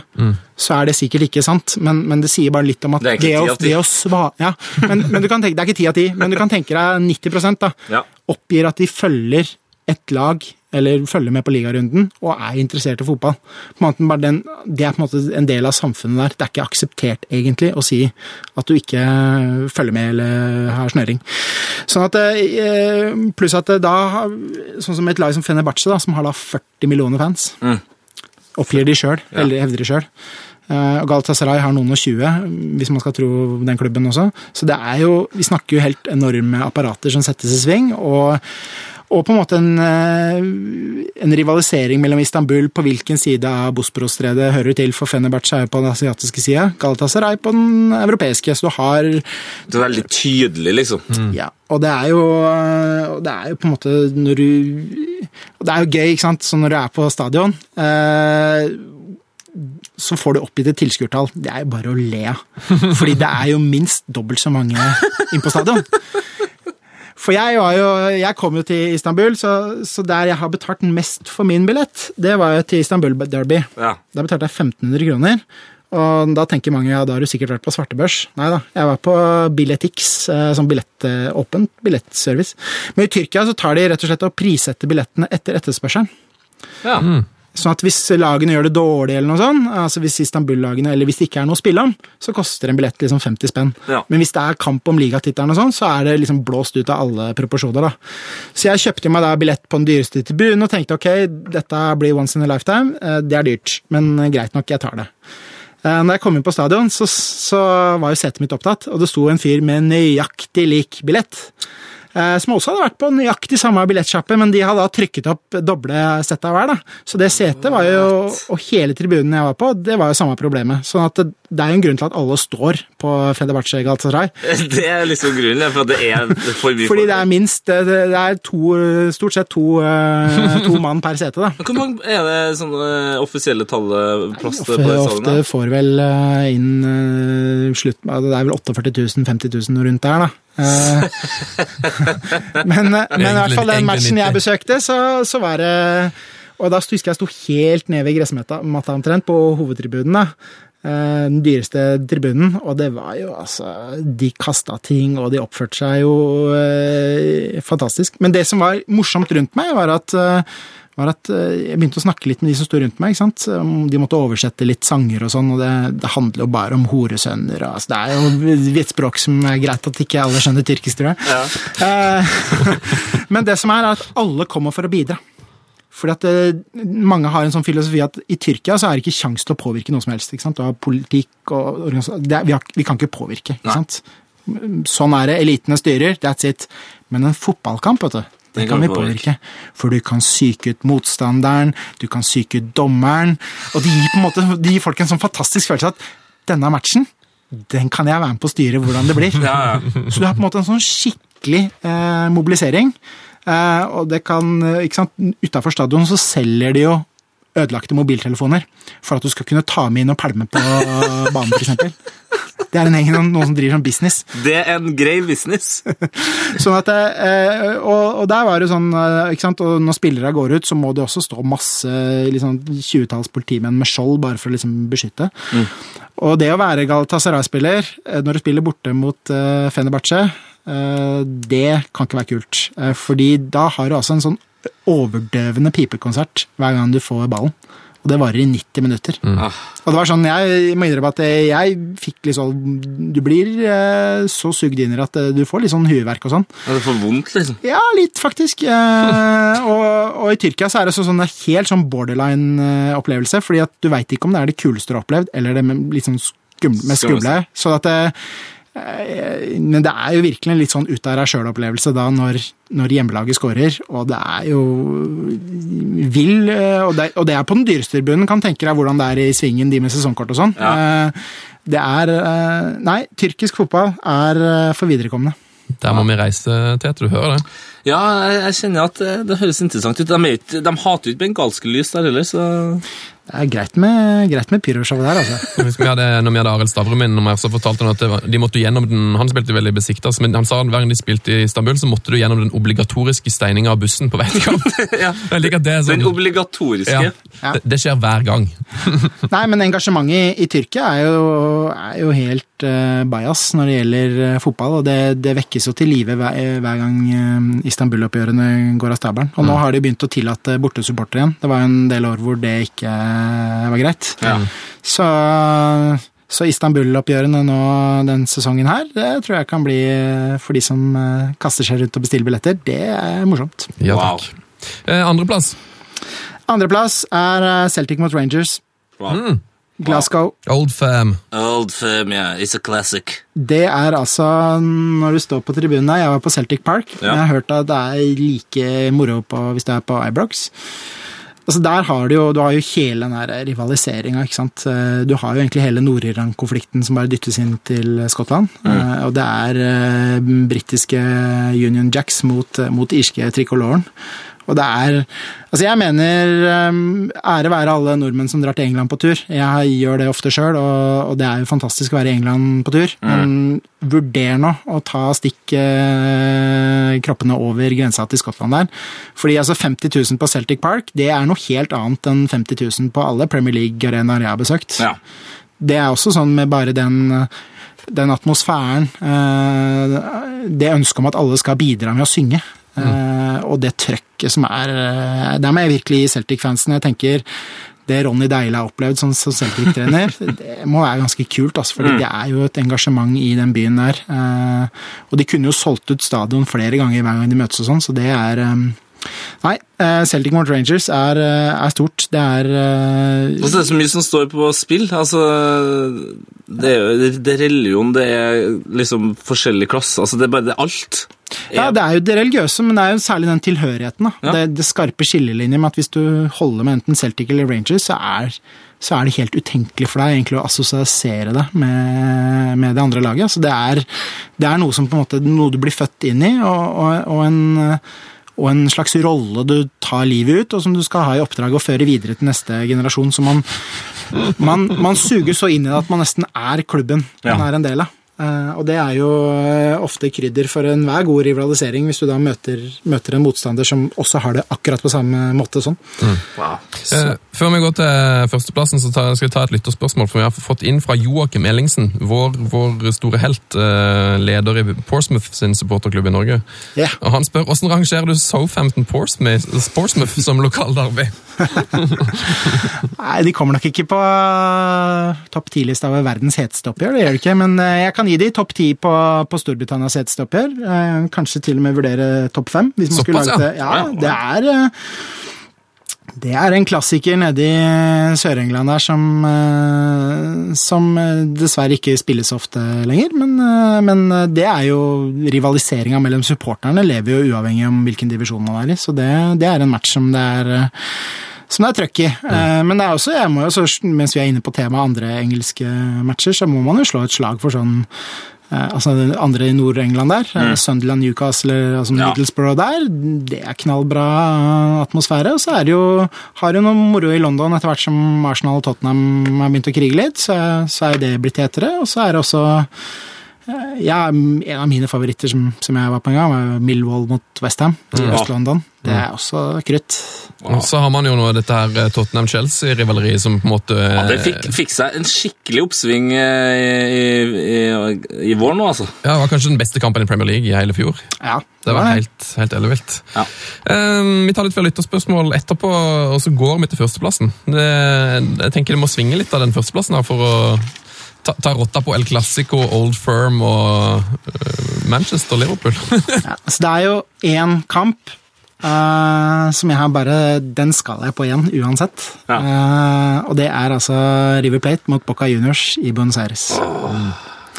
Og det er altså en kamp altså Argentinerne sjøl For det første så lader man jo opp til denne matchen her i 14 dager. altså Det er, det er litt sånn gode, gamle klisjeen om at byen og landet står stille hver gang det er eh, Og de kaller det jo ikke bare klassiko, vet du. Nei. De har jo dytta inn et super foran her. Det er super classico. Så det er jo ikke bare El Classico, det er El Super Classico. Eh, og, den er, og den super er utrolig viktig for argentinerne, for de pleier jo da å si at ok, hvorfor dytta du inn super i forkant her? Det er fordi de mener at El Classico mellom Madrid og Barcelona det er en treningskamp sammenligna med, med det. altså. Så ikke sant, der I Buenos Aires så kler du ut bikkjene dine med drakter, og det er altså Du har supportergrupperinger som, som har så stor makt internt i klubben sin at de føler egentlig at de eier klubben til tider. Altså Besøker du museene til disse klubbene, så går det en cut til supportergjengene. Eh, Og de har altså en makt og innflytelse på fotballen, og det er en eh, Argentina er et herlig fotballand. Altså det er, eh, jeg hadde gleden av å være der nesten en måned da jeg gjorde dette prosjektet. Oi. Jeg ble hengende litt rundt i Buenos Aires, gikk på egentlig ganske mange matcher utenom, utenom den superklassiske også. Og det er altså engasjementet der. Jeg bodde i, jeg leide meg en leilighet. bodde der nabo, Nærmeste nabo var en sånn noen og 80 år gammel dame. Klin fotballpunch. Ikke at hun, eh, Og så spurte jeg hvorfor det. Nei, Det var fordi mannen hennes hadde vært det. Ja. Så på en måte hver søndag da, så gjenopplivet hun minnet av mannen, så da måtte hun se River, Plate. Plate. Og det var ikke bare det at hun, og da kan du tenke ok, hun bare satt og så på. Nei da, da levde hun seg inn i det. For det hadde mannen gjort òg, ikke sant. Sånn at da var det sånn liksom, riste på huet over at det var corner-situasjoner, og liksom, ja, det var virkelig sånn dommer der, og himle med øya og sånn. Ja. Og jeg tenker sånn, Det kan hende jeg, det var tilfeldig at jeg flytta på en måte inn ved siden av den mest fotballinteresserte dama ever, men, men min liksom, feeling var jo at dette er gjengs i samfunnet. Ja, Det er sånn det er, rett og slett. Altså sånn, I denne byen her er det helt umulig å ikke forholde deg til fotball. Mm. Ikke? Om du bor i Oslo, Bergen og Trondheim, eller hvor du bor her i Norge eller på mindre, altså, Du har jo drøssevis av folk som på en måte ikke bryr seg filla om det er match på stadion. Nei, Og de legger ikke merke til det heller. De vet ikke at det er Rosenborg eh, spiller mot Vålerenga. Nei, Så det- ikke sant? Det er sånn, Du rister på altså, Oi, er det kamp i dag? At det liksom kommer sånn overraskelse på noen. Men, men i Argentina så, så er det helt umulig å ikke forholde deg til fotballen. Og det er sånn at eh, Nei. eh, El Superclassico, det er gåsehud i 90 minutter. Det er så mye papir på banen at eh, banemannskapet må bruke fem minutter bare på å gjøre i stand klar til matchen. Eh, Du har altså et eh, lurveleven helt uten like. Du har ja, nei, det er, det er vanskelig å beskrive med ord. Det må egentlig bare oppleves. Så hvis du har en eh, 30-, 40- eller 50-årsdag rundt hjørnet, så skal du unne deg noe eh, til et jubileum, så er det, så er det booke tur til Buenos Aires. Det er en fantastisk by for øvrig. Det er jo biff og digg rødvin og tango, og det er, det er en atmosfære som eh, bør oppleves. Det er eh, virkelig en flott by, og mm, hvis du først skal dit, så, så må du jo plotte det inn samtidig med Super Classico. Ja, ja, Det er sånn, Selv hvis ikke du egentlig er så interessert i fotball, så er det der bare noe som Det er en grunn til at eh, når ofte man kårer liksom verdens største idrettshappenings, altså sånn selv The Guardian og sånn, har jo på en måte satt dette oppgjøret på helt nummer én. Ja. Og jeg gikk, kom liksom også dit, jeg kom dit med store forventninger, selvfølgelig, og, og hadde Men altså det, for meg var det der helt eh, Det er en helt egen klasse, faktisk. ja, Så det gikk over all forventning. Det er, eh, det er noe med den eh, oppladninga eh, før match. Det er måten media dekker det her på. eh, både ved at de rett og slett følger supportergjengene. De gjør det, ja? Ja, ja. Hvordan de forbereder seg til match. Det er liksom sånn eh, mm, supportergjengene minutt for minutt, omtrent, på hver sin side. Hvordan de lager TIFO, forberedelsene. Eh, Bocca-fansen det året jeg var der, hadde jo på en måte kuppa spillebussen, så spillere måtte sette seg i en annen buss. Så kom liksom Bocca-fansen for å vise liksom hvem de var, så de kjørte spillebussen inn. Da. Og dette var da live på TV, og supporterlederne sto der og var minst like store helter som, som spillere. Så det, men ikke sant, også i Argentina, det er sånn Kveldene før kampen så var det sånn på hovedkanalene prime time så var det da fotballprogrammer. Og det var ikke sånn type fotballekstra på TV 2 hvor alt går i et tempo og det skal være mål og sånn. Nei her er det sånn lange, dyptgående Yes. analyser. Skal du ha 4-4-2? Skal du ha 4-3-3? Hvor setter du presset? Diamant på midten? Og det er jo ikke bare sånn Det her sitter jo folk og ser på. Altså, det er liksom Unge som gamle. altså Du rives inn i en diskusjon om du skal ha diamant på midten. Det er jo ikke sant, det, det er omtrent bare Heia fotball som podkast som kan måte dra noen minutter på hva som er best til fotball. Altså, det, Ja, ja. I Norge du finner jo ikke noe lignende. ikke sant? Sånn at Det er jo, sier bare litt om sånn fotballkultur nå. Hvor setter du presshøyden? Og så er det sånn skikkelig teoretisk akademisk. Og dette sitter folk og ser på. Kjemperatings. Eh, og du blir kasta inn i det. Og det er klart, når du har en sånn type litt sånn massesuggererende effekt, da, så, så bidrar jo det som sånn ekstra krydder inn i matchen. Og det Nei, d- Super Classico må oppleves. Den begynner som regel klokka to eller sånn på formiddagen. Den må være der ved stadion fire-fem timer i forkant for å på en måte la deg rive med av stemninga. Det er eh, Skal vi dra til Argentina, Sven? Ja, takk gjerne. Eh, Du var inne på disse supporterlederne, Magnus. Ja. Eh, altså, du, hvor, hvor store stjerner er de egentlig? Eh, jeg er det ikke sånn at, nesten sånn at eh, på måte, de er kom, du blir kompis med Maradona hvis du er supporterleder i Boca, For at eh, det, det er liksom bare sånn det er? Altså, De har jo en så stor makt at de definerer jo ofte altså Klubbpresidenten er jo nødt til å alliere seg med supportergjengen i Argentina. Det er jo blant annet Og det, jeg sammenligner supportergjengen i Argentina litt som sånn kriminelle motorsykkelmiljøer, faktisk. Ja. Fordi de, de lederne her, de eh, har jo dette som jobb. ja. De får drøssevis av billetter fra klubben som de selger ut til sine egne supportere, og tar inntektene sjøl. Jeg nevnte det her med klubbmuseene og sånn. De får en cut av egentlig alt. De får cut av spillesalg og sånn også. Altså, ofte må klubbpresidenten, hvis du skal selge store stjerner, så må du på en måte eh, konferere med, med supporterlederne. Så den makten de har i klubbene sine, og der kan jeg jo nevne han der eh, supporterlederen i eh, Eldosa, altså den tolvte mann til Boca Juniors. Han ble bura inne for å ha drept folk. Ja. Ikke sant? Kan tenke deg, han har drept folk. Det fikk han mange år i fengsel for. Eh, og da kunne du tenke deg at da snur sikkert klubben ryggen til og tar avstand og kan tenke deg hvis noe lignende hadde skjedd på våre breddegrader. Ja. Men da uh, var det altså at uh, en av de første dagene han da satt inne i det fengselet og skulle ha flere år inne, så dro altså flere Bocca Junior-spillere på oppdrag fra klubben opp i fengselet for å besøke ham, for å Nei. vise sin ære. Med Martin Palermo som var med på de greiene der. Wow. Sånn at eh, det viser også litt eh, de Men er, det kanskje, men er det kanskje av, av eh, altså, Kunne det vært av frykt? Altså, er det liksom Er det Kan spillerne være redd for eh, supporter, sin egen supporterleder? Jeg vil tro at mange i Argentina rett og slett er livredde for, for egne supportere til tider. Mm. Det er selvfølgelig fint i, i fine tider. Altså, River Plate det ene året, de rykka jo ned. Ja, ja, det Og da var jo altså Da tror jeg ikke det var mange som Da tror jeg spillere barrik barrikaderte seg inne i hjemmene sine, altså, for det der gikk mm. Det skulle ikke en så stor klubb som River Plate gjøre. Nei. Eh, og det er klart, Da fører det til oppvask. og Det er, det er i mange argentinske klubber hvor fansen rett og slett bare stormer klubblokalene, bærer ut de som sitter der, og setter nye på plass. altså Virkelig sånn fysisk, fjerner de med fysisk makt og bare sier nå er det, dette var den ekstraordinære generalforsamlinga, og ha det bra. Så det er klart, eh, når jeg har skrytt argentinsk fotball opp i skyene her litt tidligere, og det er jo en fantastisk fotballkultur, men det har en del mørke sider som, eh, som ikke er så bra. Man, man hører jo altså, eh, fra, fra mange av disse oppgjørene du har vært på, man hører jo om noen steder hvor man har liksom klart å smugle med seg inn eh, våpen, og ja, det verste tilfellet er noen som har klart å smugle inn en moped og kaste på motspilleren. Sånn. Det, det, det er jo Det er, det er alltid bra. Ja, det er kanskje, det er kanskje i Roma, det. Eller kanskje det var i i Milano, jeg husker ikke. Men, men, men det er, følte du deg trygg i, på Boca River, da? Det var en- som- som- Hva er det som smugles inn der? Nå skal jeg si at eh, jeg jo Jeg dro rundt i veldig mange land i verden. Som regel så prøvde jeg alltid å kjøpe billett på det legale markedet. Gikk ikke det, så skulle jeg gå på svartebørsen. Eh, og gikk ikke det, så skulle jeg også prøve Eller jeg skulle alltid prøve å kjøpe billett først. Hvis ikke det gikk, så skulle jeg kontakte klubben og ta den derre Hei, jeg har flydd hele veien fra Norge, jeg skal lage en bok. Ja. Har du en plass til meg?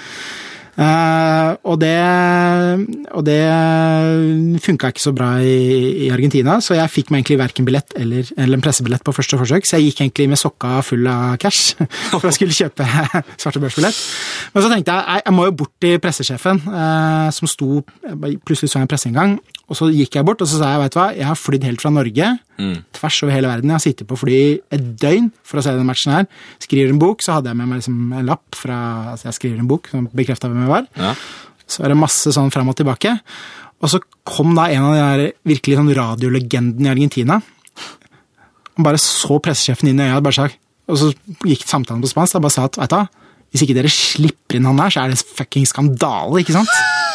Så, og da kom bare så åpna verden seg, alle var kjempehyggelige. Og? Da, så, det, så, jeg, Wow. så jeg havna faktisk da på pressetribunen. eh, Så, så der var det på en måte jeg kan ikke, så Når du spør følte jeg meg trygg der, så blir det sånn Da satt jeg jo midt blant radiokommentarene, da, fordi sånn at Men de er jo gærne, dem òg. Altså, I hvert fall må- måten de kommenterer på, Klin gærne. Eh, Så det var jo en opplevelse for livet, det òg, da. Ja. Eh, Men eh, nei, de har jo Altså, det er jo eh, De har jo en måte å kommentere fotball på som, som er liksom sånn Skyter en spiller ti meter over, så er det jo en kjempesjanse, ikke sant? Altså, De skal jo skape drama inn i de tusen hjem. Og dette er jo kultur i store deler av Sør-Amerika. Så, så det var jo sånn jeg satt der og tenkte vet du hva, det her er jo eh, spinnvill kommentering. Ja. Eh, Men folk bryr seg ikke om det. De vil jo ha passion og lidenskapen, og den formidler de jo. Og mål det Mål, da er det goal i et minutt, halvannet, og det er golazo, det er eh, goal, goal, goal, goal, goal.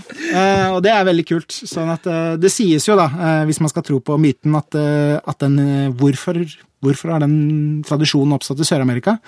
Og det er jo en myte, da, så får man alltid diskutere det, men det er en myte om at det var en, en gammel radiokommentator som, som så litt dårlig, og som ikke alltid var på hugget, så han måtte, han måtte lage drama, mens han på en måte måtte ha hjelp av kollegaene sine rundt seg. Hvem var det som scora her? Altså, hvilken spiller? Så han holdt den bare lenge, Mens han ble liksom mens han ble, liksom, Noen skrev på kanskje en lapp, da jo det var nummer åtte Peruzzi eller et eller annet. da. Eh, sånn at Mens han liksom holdt den gående, så kan han bare si ja, det var mål til Bocca, og det var spiller nummer åtte. ikke sant? Ja, Så han holdt den veldig lenge.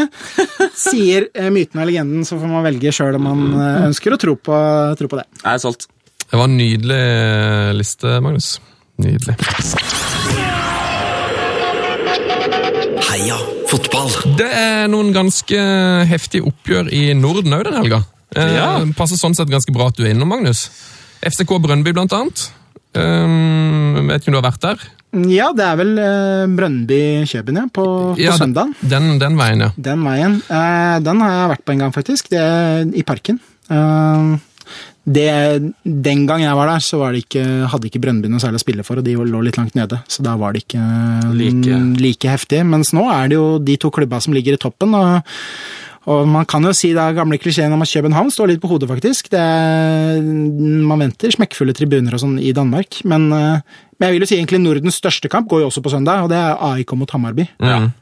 Og der er det sånn, De forventer jo faktisk den største derbypublikummet i Nordens historie. Altså Det er 48 000 mennesker som skal se AIK mot Hammarby på, på søndag.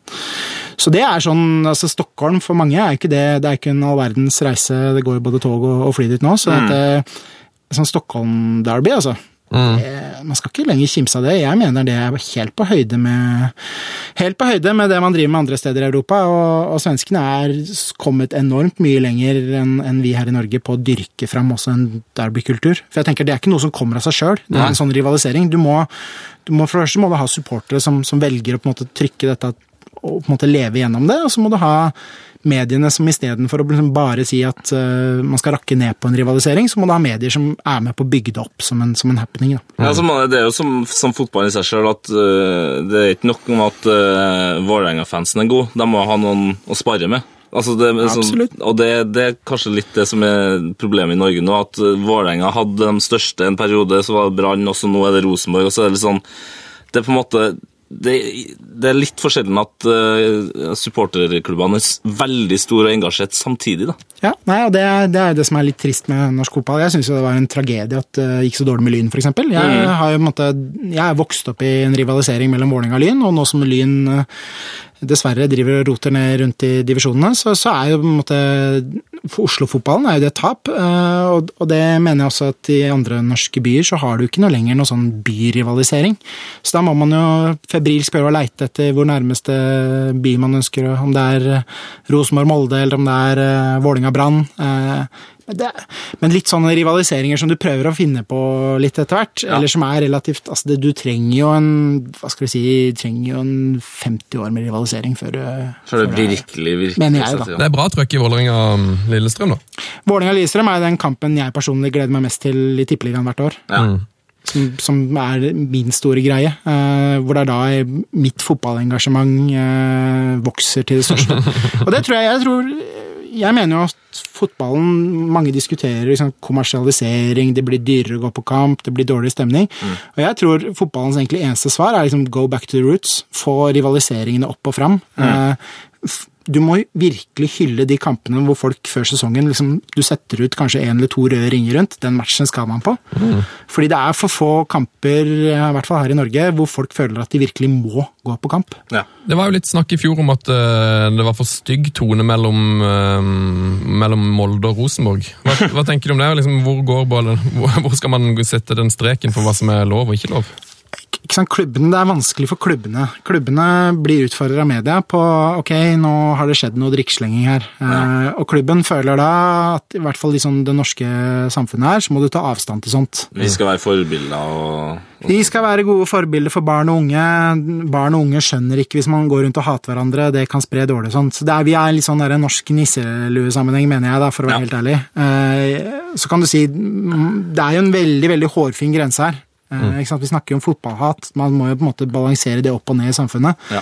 Men jeg tror hvis man klarer å gjøre dette med delvis glimt i øyet altså det er ikke sånn, jeg, Mange av mine kompiser er Lillestrøm-fans. altså det er ikke noe at jeg, men, men hver gang det er match, så blir det et slags litt sånn spill. ikke sant? Ja.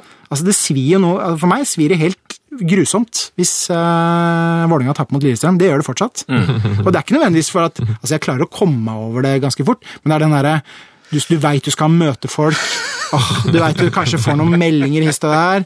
Og det er bare ikke sant, Når du må grue deg, det husker jeg liksom, når du går på skole eller jobber altså Den der følelsen mandagen at du må liksom Å nå, nei, nå må du face liksom det gliset til han eller hun som holder med det laget. Og vi har jo ikke det så ofte, ofte mener jeg, da, i, i Norge. Vi er ikke egentlig noe bortskjemt med det. Vi prøver på en måte, kanskje mange av oss lever det gjennom å holde med engelske lag. At Ja. det- den, den greia der, altså f.eks. Liverpool-Manchester, at det er en mer greie nå enn norske lag. Sånn at, eh, men jeg har veldig tro på at eh, man burde heller liksom trykke disse rivaliseringene til sine bryst. Altså jeg, når jeg reiser rundt i verden, så var jeg alltid interessert i å se liksom, hvordan var det trenerne kommenterte dette. Mm. Og da er det liksom, Du har to muligheter. Noen trenere bare sier dette er bare en helt vanlig kamp. Det er om tre poeng, og så life must go on. Mens andre snur helt på det og sier dette er årets viktigste match. ja, spiller ingen rolle om hvordan, Hvordan vi ender på er, om vi ender på femte eller tolvteplass, det spiller ingen rolle. Denne matchen skal vi vinne. Ja.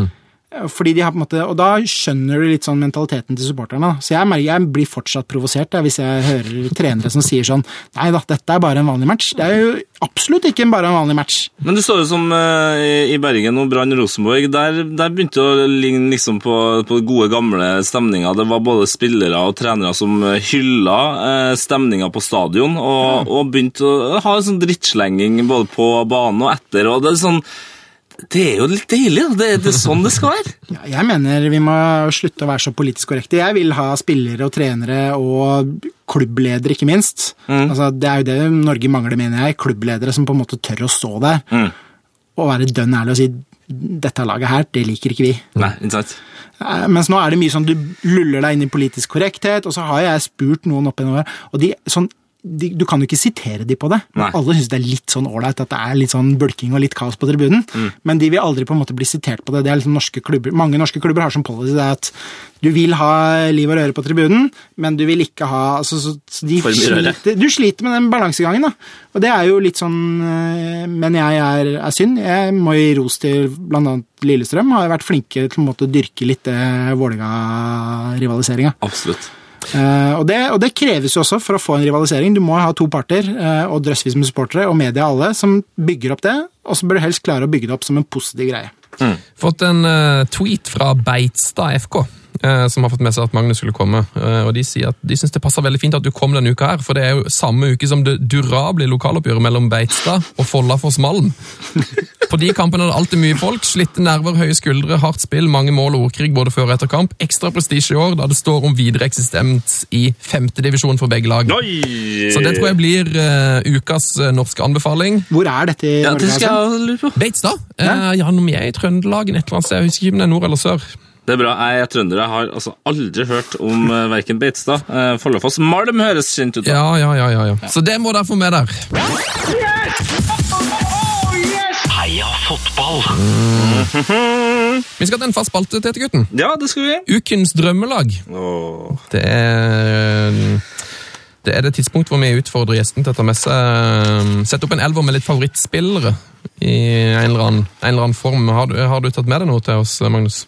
Ja, jeg har jo det. Eh, og da dere utfordra meg på det, så tenkte jeg hva er det jeg har noen forutsetninger egentlig for å mene noe om. Eh, så jeg har eh, etter 20 år og spilt på omtrent alle fotballbaner i Oslo, så måtte jeg lage en litt sånn drømmelag gjennom de siste 20 åra med spillere som um, har sin tilhørighet og har gått gradene i Oslo-fotballen. Ah. For å, sette, for å ta Oslo-fotballen litt i forsvar. Oslo-fotballen får altfor mye ufortjent pepper. Nei, litt fortjent er det jo, men, men den der at det, det kommer aldri noen gode spillere fra Oslo, den, eh, den møter man ofte. Eh, og det er jo en sannhet med visse modifikasjoner, for det det er veldig veldig mange gode spillere som, som har spilt på elendige baner på Ekeberg, eh, Tørteberg her nede utafor Marienlyst, hvor vi sitter nå. På en måte hatt helt elendige for baneforhold, da. Ja. Sammenligna med altså, Ære være f.eks.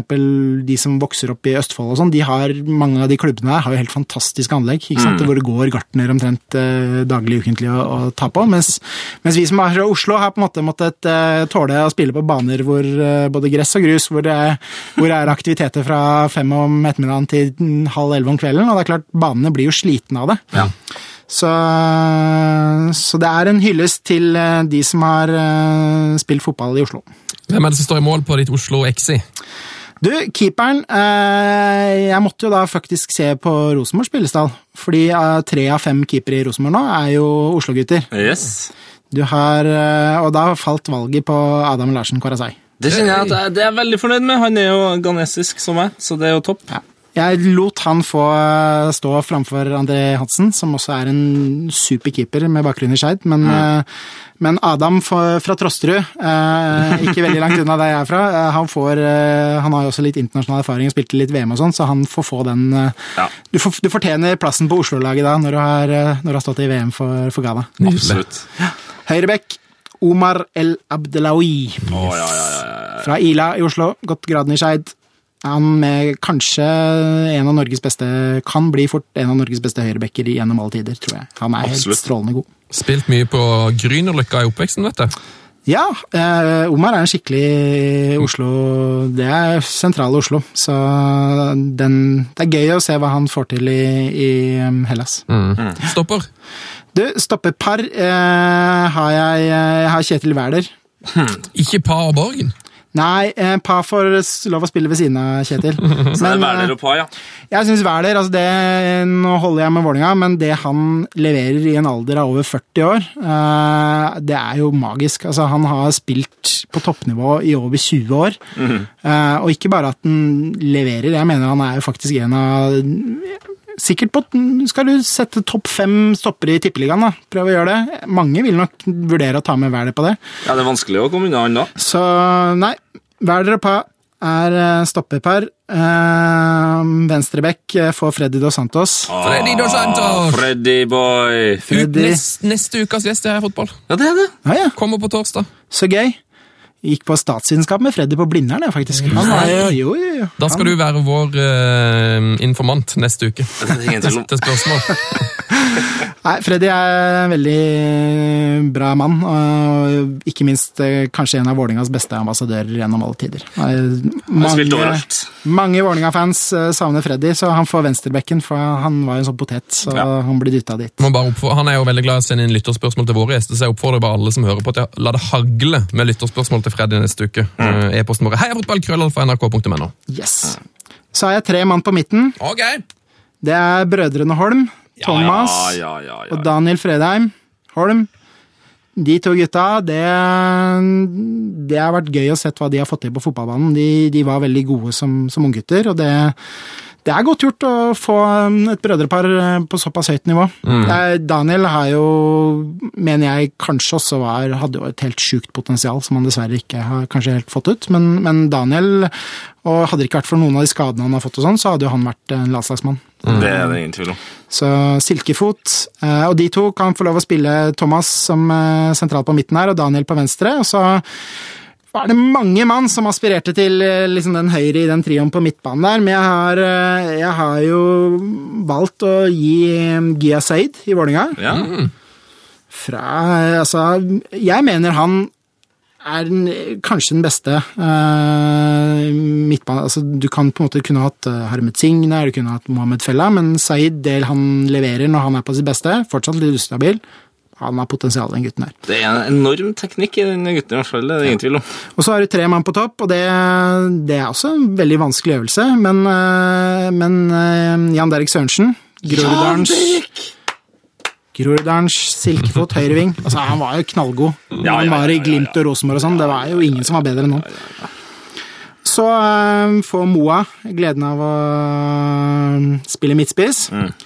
Og så må jeg ta min eh, det, Mange vil sikkert lure på hvorfor jeg gjør det, men jeg setter Håvard Nilsen. Mm, uh, Håvard Nilsen, vet du.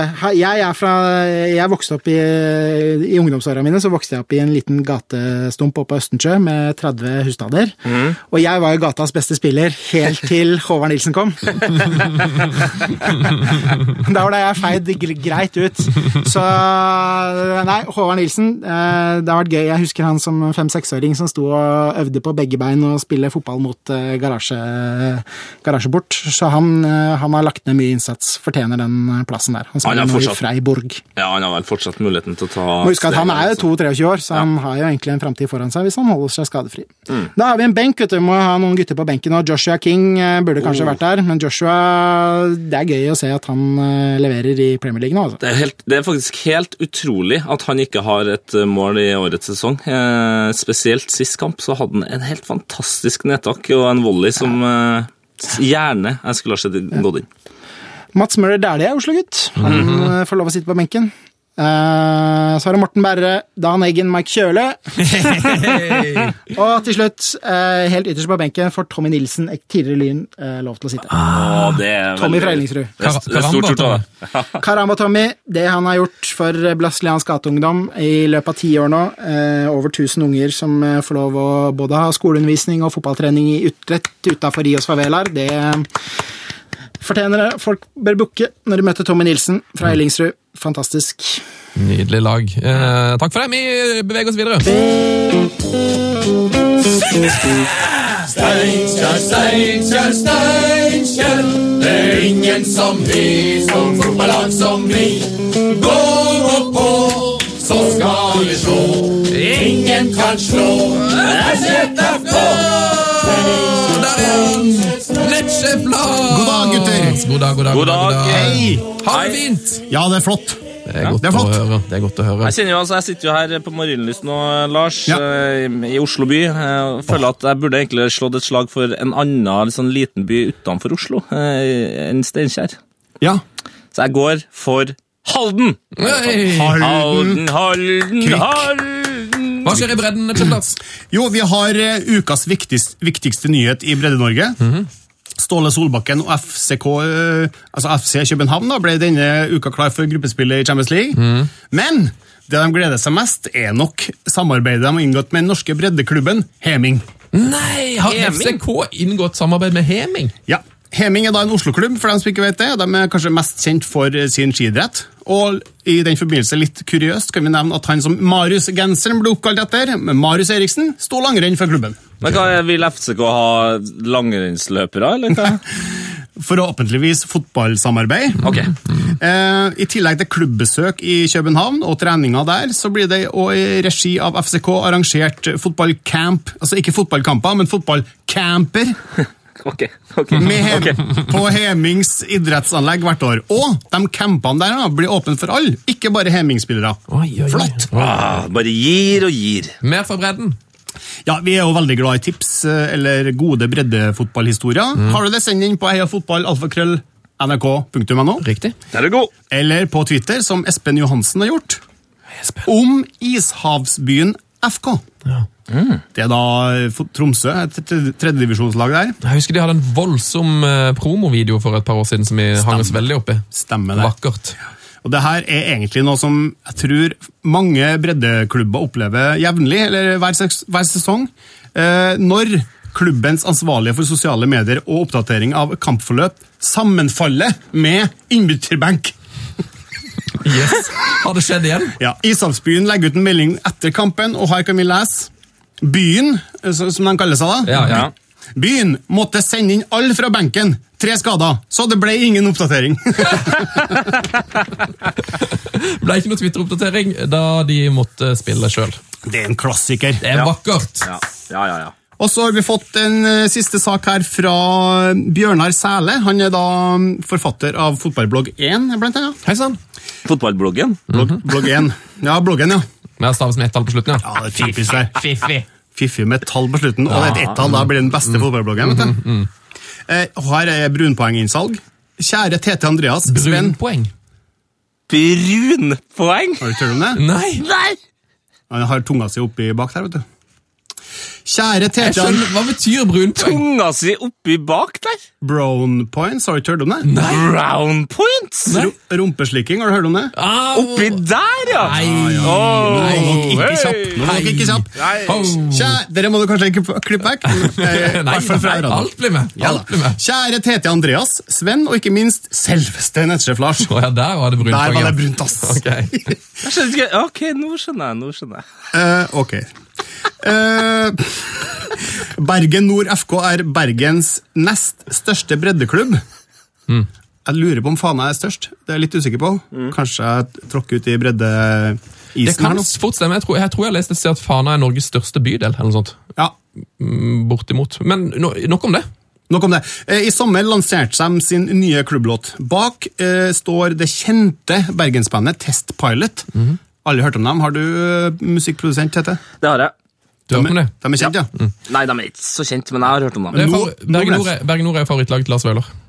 Ah, stemmer det. Snakk om det når han var gjest her. Og så skriver vi noen greier, og så hopper vi over det, og så spør han er det kanskje tidenes beste breddelåt. Mm. Og det skal vi finne ut nå, for da har jeg klippet ut et lite klipp som ligger på, På paden her. sist- på padden her. La oss høre på det. Ja.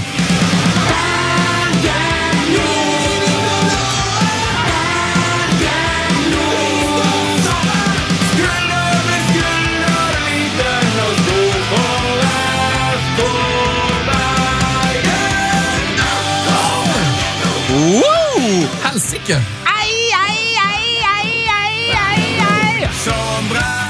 ei. Her svinger det. Det er Gunsen-kvalitet i den der eh, låta der. Og så så fin tekst òg. Skulder med skulder. Ja, fint. Jeg likte den godt, jeg. Liten og stor. Nei, dette var, dette var, det var snadder. Breddesnacks. Det er snacks, og så er det verdier som vi kan styre oss bak. Her står det, eh, som de sier, som breddeklubb er det viktig å sette spor. Her er alle velkommen, fra det, fra det minste til kongen. Terningkast på denne fra musikkprodusenten, først og fremst. Eh, terningkast eh, en sterk firer. Eh, har kommet til å få fem hvis Axel Rose eh, var på vokal. Altså, blir ikke lista på P3 med det første. Nei, eh, på ingen måte. Jeg gir det en uh, breddesekser. Oh! Nettsjef Lars? Ja, det, da havner jeg på en femmer, da. Mm, det er brunpoeng til det. Takk. Det var, det var vel du som fikk brunpoengene, Sven. Ja, det godt mulig. Tusen takk for uh, nyheter fra bredden. Til det, nettsjef Tete blir med nå. Nettsjef Lars!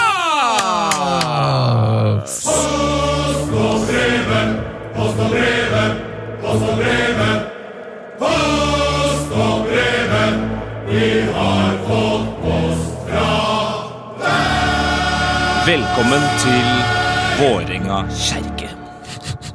er det den humoren, det, da? Det er den humoren i dag. Jeg var jo på strategidag, som det heter, med min kjære musikkredaksjon i går, og Har dere skidag? Nå? Ja. Har, har ikke skjedd verre i Oslo. Strategidag! Og da feira vi litt på kveldinga, da, vet du, så humøret mitt er derav. Nydelig. nydelig. Eh, vi får jo altså så vanvittig mye fine post og brev fra dere der ute. Nå som vi har blitt radioprogram, så har det jo blitt enda viktigere for oss å få det inn. Så eh, helt topp eh, kan vi bruke noe brev der, og noe her i podkasten. Når går det der radioprogrammet, egentlig? Tolv til to på lørdager. Du er helt sikker på det? Helt sikker. Ja. Eller vi begynner faktisk 12.03 pga. Dagsnytt klokka tolv. Ja, Men men det, det- er på, det er på P3, da. Ja. Eh, vi har fått et brev fra Lars Erik Koren. Mm, Han skriver 'Heia fotball'. Ser dere skal ha Derby spesial. Ja, det er det vi hjelper med. Mm. Louis Saha har spilt for Everton United, Fulham, Sunderland, Newcastle og Tottenham. Det betyr at han har spilt i alle de kule derbyene i PL. Wow. Noen i PL som kan matche dette. Han har spilt i Everton mot Liverpool, United mot City, Sunderland mot Newcastle for begge lag. Fulham mot Chelsea, Tottenham mot Arsenal, United mot Liverpool, Tottenham mot Chelsea. For en, for en eh, villing. Er det noen som har spilt i flere, tror dere? Mm, Det skal godt gjøres. Nei Jeg, jeg tenker, den som jeg tenker på først, er Nicola Anelka. Anelka, ja. Anelka har spilt i en del klubber, ja. Han har spilt i West Brom, da har han også sikkert spilt i West Brom Villa, som er et eh, derby. ja. Eh, Han har spilt for Manchester City, Ja. spilt mot United der. Han Arsenal. har vært i Liverpool. Liverpool, Man United, antageligvis. Mm. Arsenal, ja. Arsenal Tottenham. eh, Arsenal Chelsea. Everton, ja. Bolten har ingen rivaleri. Yeah. Wiggen, kanskje? Bolton, men Bolton er kanskje som Bolton er ikke Alle hater Bolten, bare. Bolton ligger rett utenfor Manchester, tipper det er noe rivaleri der. Ja, litt. Så Anelka er vel en som spiller inn der. Ja, jeg kommer ikke på noen Eh, jeg har gjort litt research. Du har Ja, men altså, Du har jo, du har jo Adebayor, da, har jo spilt i en del klubber. Å, ja. Men jeg tror ikke han jeg tror ikke han brydde seg Jo, han brydde seg veldig! Tar det tilbake. Adebayor er mitt eh, tips.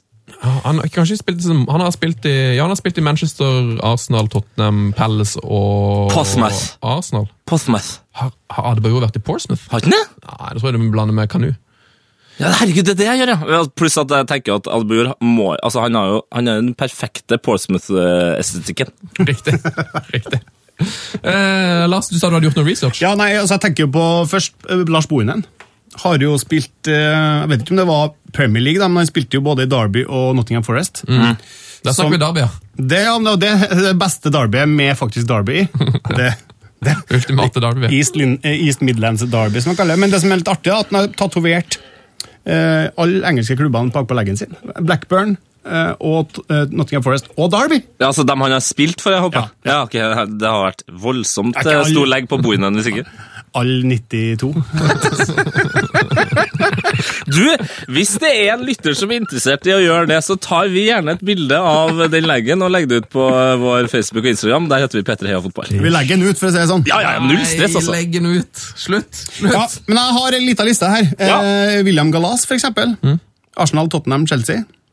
Der har du to-tre oppgjør. Fire.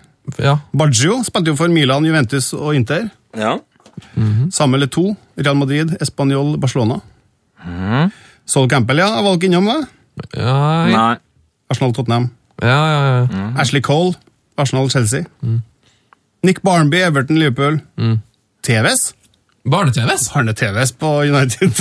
Jo der, da. Eh, Zlatan, selvsagt. Inter og Inter Milan. Ja, ja, ja, ja. Juventus og ja, ja, ja. Louis Fige. Ah, Fiji. ja. En av de store spilte for både Barca og Real Madrid. Riktig. Den er ikke så mange som Det var det jeg glemte med Adebayor. eh, Jeg blanda Portsmouth med Real Madrid. du. Han har faen meg spilt for Real Madrid. Det stemmer. Ikke glem det. Stemmer det. Så har du jo gode gamle Johan Cruyff, som spilte for Feyenoord og Ajax, da. Ja. Og Saviola Ah, Javier! på River Plate. Yes. Og så har du jo selveste, selveste Ronaldo Luis Nazario de Lima of Brasil. Ah, fenomenet. Ja. Han har jo spilt for Barcelona, Inter, Real Madrid og Milan. Har han også spilt for eh, PSV? Å jo da. Å jo da. Ja, det er vel ingen som slår eh, Saha av de vi kan komme på, men eh, Anelka er vel nærme. Kanskje over. Eh, jeg tror vi skal runde av postebrevet for i dag. Hva med Bobo? Bobo! Oh, han har spilt i mye! Bobo har spilt for alle klubber i verden! Bobo Vieri. Bobo Vireri. Ja, nei, men eh, Vi runder av der. Takk til alle som sendte inn post og brevet. Fortsett. Heia fotballs glory hall. Velkommen til Heia Fotballs Glory Hall. Eh, Hva går dette konseptet ut på, TT-gutten? Nei, Det er jo det at vi sender rare, gode, kanskje litt dårlige, men spesielle, vakre fotballspillere langt ut der i verdensrommet. Helst forbi vår egen melkevei på en planet der gresset er grønnere enn eh, Celtic sine hjerter. Mm. Og der spiller de fineste spillerne, altså. Fotball hele tida. Det er riktig. Eh, Hvis du, går inn, hvis du søker på Heia Fotballs Glory Hall på Google, så kommer du på en side som heter Heia Fotball Glory Hall Tumblr, tror jeg. Ja. Eh, Og Der har du oversikt over absolutt alle spillerne som er der. En nydelig side som er lagd av en som heter Stein Vidar, som eh, er lytter. Takk for det. Ja, det er vel, det er vel, må jeg påpeke deg, altså det er veldig viktig at du skriver Heia fotball før du skriver Glory Hall. Ja, det er det faktisk veldig viktig å minne om. Hvem er det som er i vår Glory Hall? Du, det, blant annet så kan jeg huske at eh, Morten Berre er der, ja. nå som vi har en Vålerenga-mann i borgen her. Eh, og så husker jeg at vi har satt inn Myggen. Mm, Lord Lisselvann er der. Ja, det er en, det er. Det er. Er Batistuta der? Batistuta er der, sammen med Cafu, Ronaldinho og masse andre brasilianere. Har du en favorittspiller sånn ute i verden? Magnus, Vi har snakka mye om kamper og, og Vålerenga-spillere, men har du en favorittspiller sånn i historien? Ja, det er jo egentlig ingen over og ingen ved siden av Diego Maradona. Ja. Har, har, du en fra, har du en sånn fet spiller som du har sett i et, sånt, et eller annet oppgjør? En fet spiller som jeg har sett i et oppgjør. Ja. som, Kanskje ikke så kjent, men som gjorde ikke- noe i det oppgjøret, eller eh, ikke egentlig som jeg, det er et godt spørsmål. Jeg, ikke, ikke som jeg føler jeg vokste opp sammen med og, Nei, nei, nei, og men, sånn. men, men en som eh, gjorde inntrykk eh, Jeg vet du har vært både i, i India og Sør-Afrika og jeg må jo si at jeg ble veldig svak for Xavi i Barcelona. Ja. Eh, Han er ikke her! Han er ikke her! Er ikke han i Glorion? Det tror jeg ikke. Du verden! Det er jo i så fall en skandale. Ja. Så Xavi er et, eh, et bra forslag her fra deg. Jeg vil foreslå han.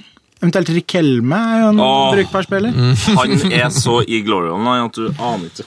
Men jeg satt, satt ved siden av Marco van Basten på en match. faktisk. Har du sett? Jeg er jo AC Milan-fan, vet du. Jeg vet det. Jeg, fikk, jeg måtte bort og få autografen. Jeg hadde, jo Mar jeg hadde jo Marco på veggen da jeg var liten, så jeg tenkte at det her er eh, Så da jeg så Ajax eh, Feyenoord, så satt han eh, Eller siden av siden av, men han satt eh, en rad nedafor og litt bort, så jeg måtte bort og si hei til han. Herregud, du har vært så mye ville steder. Vi fikk, vi fikk ikke snakke om den kampen der engang, men eh, da. Jeg tror vi glemte å snakke om Borussia Dortmund mot Schalke, det er en kjempematch. får komme innom en annen gang. Vi skal innlemme en eh, ny helt i dag, og da, i dag er det altså det, det, Dette er viktig for meg. Eh, Har, har du skrevet den sjøl, eller I dag har jeg skrevet sjøl. Nei, du verden. Det er litt lenge siden vi har gjort noe sjøl, altså. Tenkte jeg nå på, på tide å få utløp. Nå, ja, jeg skrev den sjøl sist, men det er greit, det. Det er bare å glemme. Bare len seg tilbake. Ukas helt, venner og fiende, det er en Altså, den, den, den helten har en helt spesiell plass i mitt fotballhjerte. Han er vennen som alltid er der. Vennen som alltid stiller opp. Han som alltid blir med og spiller fotball. Han som til og med blir med på et par kamper på julaften. Han du kan ta med deg på nattoget til Bergen eller Oslo eller Trondheim. Han er med på alt. Alltid. Han var der da Sir Alex løfta Champions League-trofeet i 99, da Mourinho tok Premier League med storm. Han var der da Mandalskameratene herja i Adeccoligaen, og ja, han var der da Henke Larsson brakk foten på det mest groteske vis, men kjempa seg tilbake. Han her fyren tok det med til den AIK-kampen da du oppdaga Kim Kelstrøm. Han tok deg med til England når Arsen Wenger oppdaga Kim Kelstrøm. Ukas helt er han som skjønner hvorfor du elsker Tommy Svindal Larsen. Han er han kompisen som oppdaga Vincent Company før det. Han som verdsetter 4-2-3-1 like mye som 3-4-3. For det er ikke så nøye med formasjonen så lenge det funker. Han er din perfekte fotballvenn. Han som eh, ligger og venter på deg når du kommer hjem fra skolen. Han som alltid sier ja hvis du spør om vi bare skal ta en liten kamp til. Et vennskap sterkere enn Steven Appia. Et vennskap mer landstrakt enn Jan Koller. Et vennskap vakrere enn David Beckham-suser fra midtbanen. Tusenvis av timer har vi hatt sammen. Og selv om jeg har hatt våre tøffe perioder, og jeg har prøvd å gjøre det slutt med det, så har vi alltid funnet tilbake. Jeg har til og med tatt det med på søpla en gang, og kasta det for å slippe suget som du ga meg etter mer, mer, mer. Det beklager jeg selvfølgelig da. Det er på tide å hylle det. takke det og løfte det opp i Heia Fotballs Glory Hall. Championship Manager, CM, FM, Football Manager. Kjært barn har mange navn, og jeg elsker de alle. Takk for alt, du er en nydelig liten skapning. Velkommen til Heia Fotballs Glory Hall, O store managerspill fra himmelen. Wow, Sven! Ja, Det var long time coming, altså. det var emo emosjonelt. Du hadde lagt hjertet ditt i den, Sven. Jeg hadde det, altså. Men du, altså, har du, har du begynt å spille FM igjen nå? For da begynner jeg å bli be bekymra for det. Kan jeg ikke uttale meg om. Hermin, du har jo eh, altså, du har familie og venner og, og masse ting du skal gjøre på jobb. og Jo da, men eh, noen ting er viktigere enn andre. Magnus Borgen, takk for at du var innom oss og fortalte fra din eh, fantastiske reise på fem kontinenter. Takk for at vi kom. med, Det var moro, der. Det var det. Så må du ha en fin fotballhelg og kose deg med mange hatoppgjør i framtida. Takk skal dere ha. I like måte. Vi snakkes, Tete-gutten. Det gjør vi. God helg! Heia fotball! Heia fotball! Frank de Boer speelt de bal. Heel goed naar Dennis Bergkamp. Dennis Bergkamp. Dennis Bergkamp neemt de bal aan. Dennis Bergkamp. Dennis Bergkamp. Dennis Bergkamp. Dennis Bergkamp. Dennis Bergkamp. Oh! Frank de Boer speelt de bal naar Dennis Bergkamp. Die neemt de bal feilloos aan. En ik schiet de bal erin. We spelen nog officieel 20 seconden. Dennis Bergkamp. P3s Heia fotball. Ny episode hver fredag. Last ned din nye favorittpodkast på p3.no podkast.